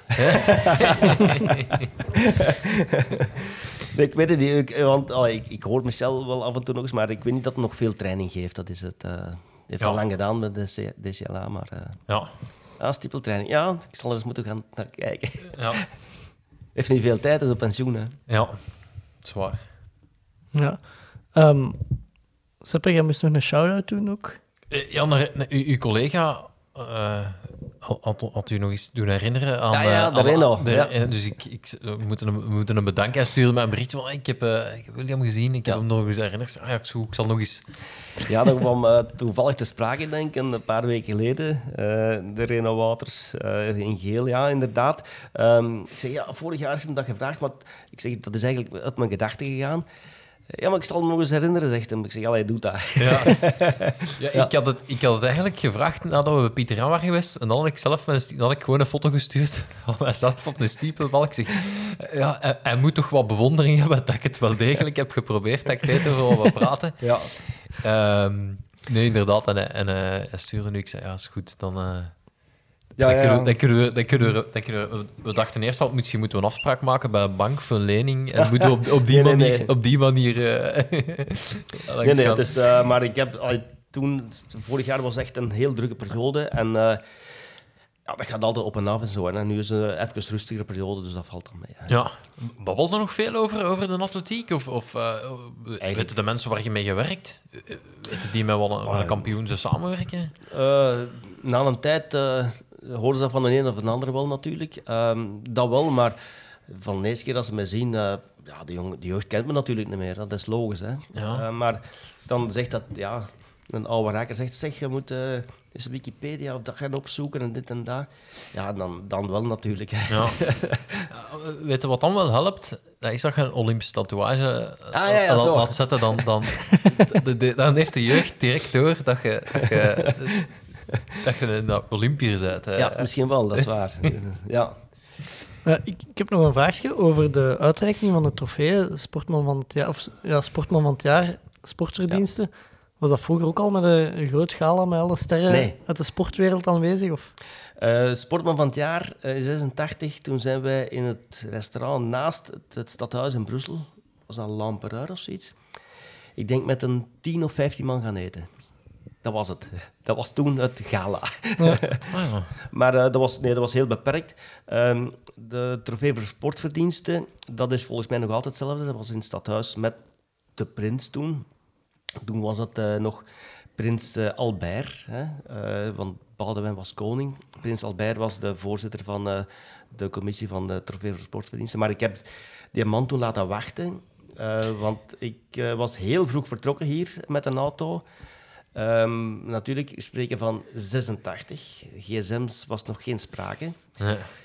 Ik kom eh, Brussel in, voorbij de Rijerslaan, de tunnel door. Bang, alles dicht. Het, het had gesneeuwd, alles dicht. Hè. En ik was meer dan een uur op voorhand, allee, vroeger als voorzien. Ja, Eh, maar alles zat vast. Ja, je begint te zweten natuurlijk. Je je auto nog parkeert in het centrum van Brussel, je komt dat stadhuis binnen. Iedereen zit daar op u te wachten. Koning Al, eh, eh, Prins Albert van voor.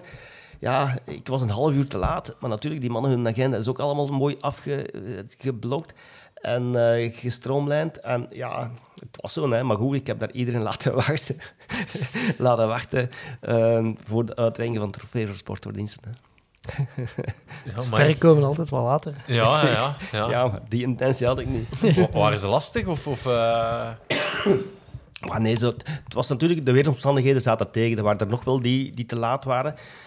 Maar ik moet zeggen, de meeste stoelen waren bezet. ah, ja. En vooral die van de prins. ja. Ehm, iets wat aan mij opvalt, hier in uw woonkamer, geen ene trofee die je staan hebt. Uh, een gouden spike. Hè. Ah, ja. Gouden en zilveren spike. En de rest stak in in een bureau eh, in een kast. Ja. Ah. Eigenlijk, ja, dat is waar. Niet veel... eh, Of zo'n, ik dacht een stiepelbalk in zijn tuin of zo. nee, dat is nog een, daar een, een kunstwerk. Hè. Ah, dat is wel schoon. Ja.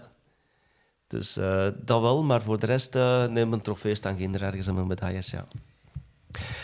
Ah, dat, het is waardevol, hè. Maar bij mij zit het... Allee, het- de herinneringen zitten, zitten van binnen, hè. Dus, Ja. eh, Ja. Maar ik inderdaad, het is plezant om... Ja, want ik zou het in een kast kunnen zetten daar, maar... eh pas op, we spreken van 35, 40 jaar geleden. Hè. Ja. Dat, is, dat, is Ja, an- u- dat is u- antieke tijd, hè. Ik wil het eigenlijk al altijd vermelden. Deze zomer staat uw Belgisch record 36 jaar. Ja, zoiets, ja. Ja. De- Ja, dat, is, dat is een jaar ouder als mij. hè, Dus. Oh ja, dat is, dat is absurd. Hè? Dat, Dat is absurd, ja. Ehm, allee, ik zie het nog niet direct verbeteren. Of dat er iemand in staat is om dat te verbeteren. Maar eh, allee, zoals ik dat straks zei, allee, met die tijd staat je nog elk jaar tussen top 10, top 12 in de wereld. Hè. Dus als er iemand dit kan lopen terug, allee, dan hebben we toch een wereldtopper. ja. Ja. Gaat dat, hoe gaat dat, als dat ooit verbroken wordt, gaat dat, gaat dat, dat, Dat ga ik misschien niet meemaken. gaat dat, dat jammer vinden? Nee, totaal niet. Totaal niet. Nee. Ja, Nee, records zijn voor gebroken te worden. Hè. ja ik, Maar ik dat van, ja. van Eddie Anijs is nog, dat is dan hoogspringen. Maar ik denk dat nog een jaar eerder op dat, of, of nog vroeger, denk ik. Allee, ik denk 236 hoogspringen. Allee, dat is vandaag ook nog altijd ver uit de wereldtop. Hè. Ja, daar zocht dus ook iemand voor de Interclub, bij de Haring Club Leuven, maar dan wel voor de Masters. Iemand die over 1,20 meter kon springen. ik was nog niet oud genoeg. Ja. Ik, 1,20 meter 20 is, is ah, ja. Maar op school sprong toch makkelijk een meter ook juist. 45, een meter 50. ja, dat is ook juist. Nou, Ja. Ja, het is voilà. hè. Maar ik zit nog maar een drempel om mee te gaan doen bij de Masters. hè. Dat is nog een paar. 35 is dat zeker. Ja, vanaf, Ah ja, dat is 35 Vanaf tegenwoordig, 35, juist. ja, Ja, ja. ja. Dus ik, ik, Vanaf ik volgend kan, jaar- Ik kan eigenlijk de Volgend dubbele... jaar zal ik mij aansluiten voor het hoogspringen. Als Ja. iemand zoeken. Oké. Eh, verder idee. nog? Vragen voor William Seppen? Eh, nee, nee. Eh, Iets dat we over het hoofd gezien hebben, dat je nog kwijt wilt? Nee, eigenlijk, eh, het, is, eh, het is heel uitgebreid eigenlijk al. Ja? Ik denk dat we zo goed als alles eh, gehad hebben of overlopen hebben. Ja. ja, ja, ik moet wel zeggen, als ik zelf steeple gelopen had, dan heb ik daarna echt... Ik weet niet hoeveel filmpjes... Gewoon omdat, als je het zelf gedaan hebt, is het eens zo chic om het te zien of zo. Dan, eh, Ja, dan, het en, echt... en dat vind ik wel spijtig. Dat ik, allee, ik ga nu soms op zoek naar, naar wedstrijden van vroeger. Maar eigenlijk is, is er ja, te weinig beeldmateriaal nog van, van wedstrijden die ik gelopen heb. Dat vind ik eh, raar. Allee, ook ehm, bijvoorbeeld ja, eh, de Grand Prix finale in Rome. eh, 86. ehm, dat zijn wedstrijden die, die ik nergens nog terugvind. eh, ik, krijg zo mis. geen, ik krijg zo geen cassette vroeger van de, van de BRT of zo. Ik heb dat gevraagd gehad, maar dat was echt beperkt. En er waren nog beta-bestanden en dat, dat draaide niet op alles. Allee, ik heb nog wel eens, ik denk achteraf nog wel eens een cd, maar dat was allee, ook niet, allee, niet wat het moest zijn in feite. En eh, natuurlijk, dat waren ook dikwijls maar fragmenten van de laatste 100 meters, bij wijze van spreken, maar niet de, de volledige wedstrijd. Hè. Ja. Ja, Maar goed, eh, ja, de wedstrijden van, van de Olympische Spelen en het WK en zo, dat is allemaal wel terug te vinden. Hè. ja, ja, inderdaad, dat heb ik, dat heb ik eh, gezien. Ja. Uw reeks ook nog op van eh, van, van, eh, van het WK. Ah ja, ja. Ja. ja. Dus dat was ook met Panetta. Ja, ja. Ja, inderdaad. Ja. 600, 600 gordijnen ben ik er eens even voorbij gelopen hè, om te laten voelen, voilà, ik ben er ook nog. Eh, maar dat kon hem niet hebben. Die moest op kop kunnen lopen, want die moest die balken zien. Hè. Als hij achter iemand liep, ja, die was, zijn techniek was zo slecht. Als hij achter iemand liep, was hij 4, 5 meters achter. Hè. Dus eh, in dat opzicht... eh, maar goed, dat was voor hem even te mennen, maar eh, dat hoort er allemaal bij. Ja. Ja. Ja, ehm, dan rest er mij u alleen nog maar te bedanken, William, voor uw tijd. Ah, ik, wou, ik wou nog even zeggen, eh, opvallend, in, op de Memorial, in de voorlaatste bocht, gaat het erover, dus bij het ingaan van de laatste Ja. ronde, hoe gemakkelijk dat je in de tweede baan er voorbij gaat. ja. We hebben het in de auto naar hier nog zitten bekijken en ik zei direct tegen Seppe, maar die gaat er voorbij in, in baan 2 en dat lijkt eigenlijk alsof dat die... eh, Ja, ik had maar één eh, zaak in gedachten. Dat was eh dat record met een beste tijd. Omdat ik... ik voelde me nog goed. En als ik die laatste ronde kon versnellen... Dat er nog iemand in de binnenbaan liep, ja, dat speelde allemaal geen rol. Ehm, ik, had er al, ik was er altijd graag voorbij ehm, aan de volgende balk. Zeker in die bocht, want dat je daar niet te veel naar de buitenkant gedreven werd. Maar het was altijd een beetje afhankelijk. Als ik met links kon aanvallen, was dat niet erg. Dat, dat vond ik veel gemakkelijker. Maar als je in de bocht met je rechterbeen moest aanvallen, allee, dan, dan gaat het uit de richting een beetje. En dat was zo, eh, dat, dat wist ik op voorhand niet altijd. Ja. Eh, en dat was zo het enige, maar voor de rest, eh, als, je, als je in orde bent, dan speelt het allemaal geen rol eh, baan 1 of 2. ça va. ja. Eh, dikke merci voor uw tijd, William. Graag gedaan. Ik zou zeggen ook nog veel succes jullie beiden hè, Merci. in alles wat dat je doet. Hè. Merci, William. Seppe, merci om mee af te zakken. wanneer, wanneer is de volgende stippelwedstrijd, Seppe? Ja, ik, ik, ja, wel, ik, Ik vind dat hem zijn titel moet verdedigen. ja, Eigenlijk wel, hè? Ik, ik vind dat ik een beetje moet, op- allee, dat ik nu eens zou moeten opschrijven, maar ik, ik, ik moet toch wel... Ik wil het ook echt wel beter doen, dus ik, ik wil er wel een klein beetje... Vorige keer had ik echt niet, niet geoefend. Ja. Eh, maar, en gewoon in, in de opwarming aan iemand gevraagd die er was van... eh, die Hoe doe je dat? Die, die sprong daar vlot over en dan gevraagd van, hey, eh, doe dat eens. En die zei, ah, we moeten iets vroeger aanvallen. En, en, Ja, het is, een, het is durven naar die balk gaan. Dat is eigenlijk het enige. ja. Die balk schrikt af, maar het is naar die balk durven gaan en naar die balk springen. En ietsjes versnellen. Dat, moet, dat is maar twee stappen voor die balk, maar versnellen en dan gaat je veel tijd winnen. Ja. Ja, en ik, ik kan ook echt maar met, met één been springen. En dan ook nog eens de waterbak, dan, dan moest ik echt denken aan de paarden in de jumping. De- hoe, hoe, de- hoe, hoe hard dat je dan... Die chokken die eraf swingen. Ja, die, dat, de, het gevoel van... Ik moest echt mijn hoofd uitzetten Ja. van... Denk daar niet over na en spring er gewoon over, want het, Ja, dat komt, het, komt, het komt niet goed anders. Ik kan niet boven gaan. Nee, je mocht niet, niet nadenken bij de balk, eh, bij de waterbak. Ja. Dus echt go with the flow en spurten. En eigenlijk, hoe- meer ik erover uh, allee, over zo wat heb opgezocht en, en veel mensen dat mij doorsturen, eh, vind ik het echt zot dat, dat, dat, ik- dat ik daar geen ongeluk in heb gehad. Goed, door dat gewoon zo Ja. te doen. Eh, dat, ik wel eens, dat dat wel eens goed zou kunnen. Dat, Dat je de volgende keer dat wel de tweede keer echt wel... eh, van Janet. Ja, Komt goed, komt goed. Oké. Goed, merci mannen. Deze was het voor mij voor deze week. Tot volgende week. Willen ze niet of willen ze niet? Doen we het of doen we het niet? Tommeke, Tommeke, Tommeke, wat doe je nu? Tom Bonne gaat wereldkampioen worden. Hij rijdt 5 per uur. Te snel voor ons. Stop! Stay on your fight! Fred gaat. En nog Fred. Chef, doen is iets. Chef! Wat is er mis met Dumoulin? Hollands poepen. Hij heeft diarree. Don't stand on my dog or I cut your head off. Daar is hem, daar is hem! Daar is hem!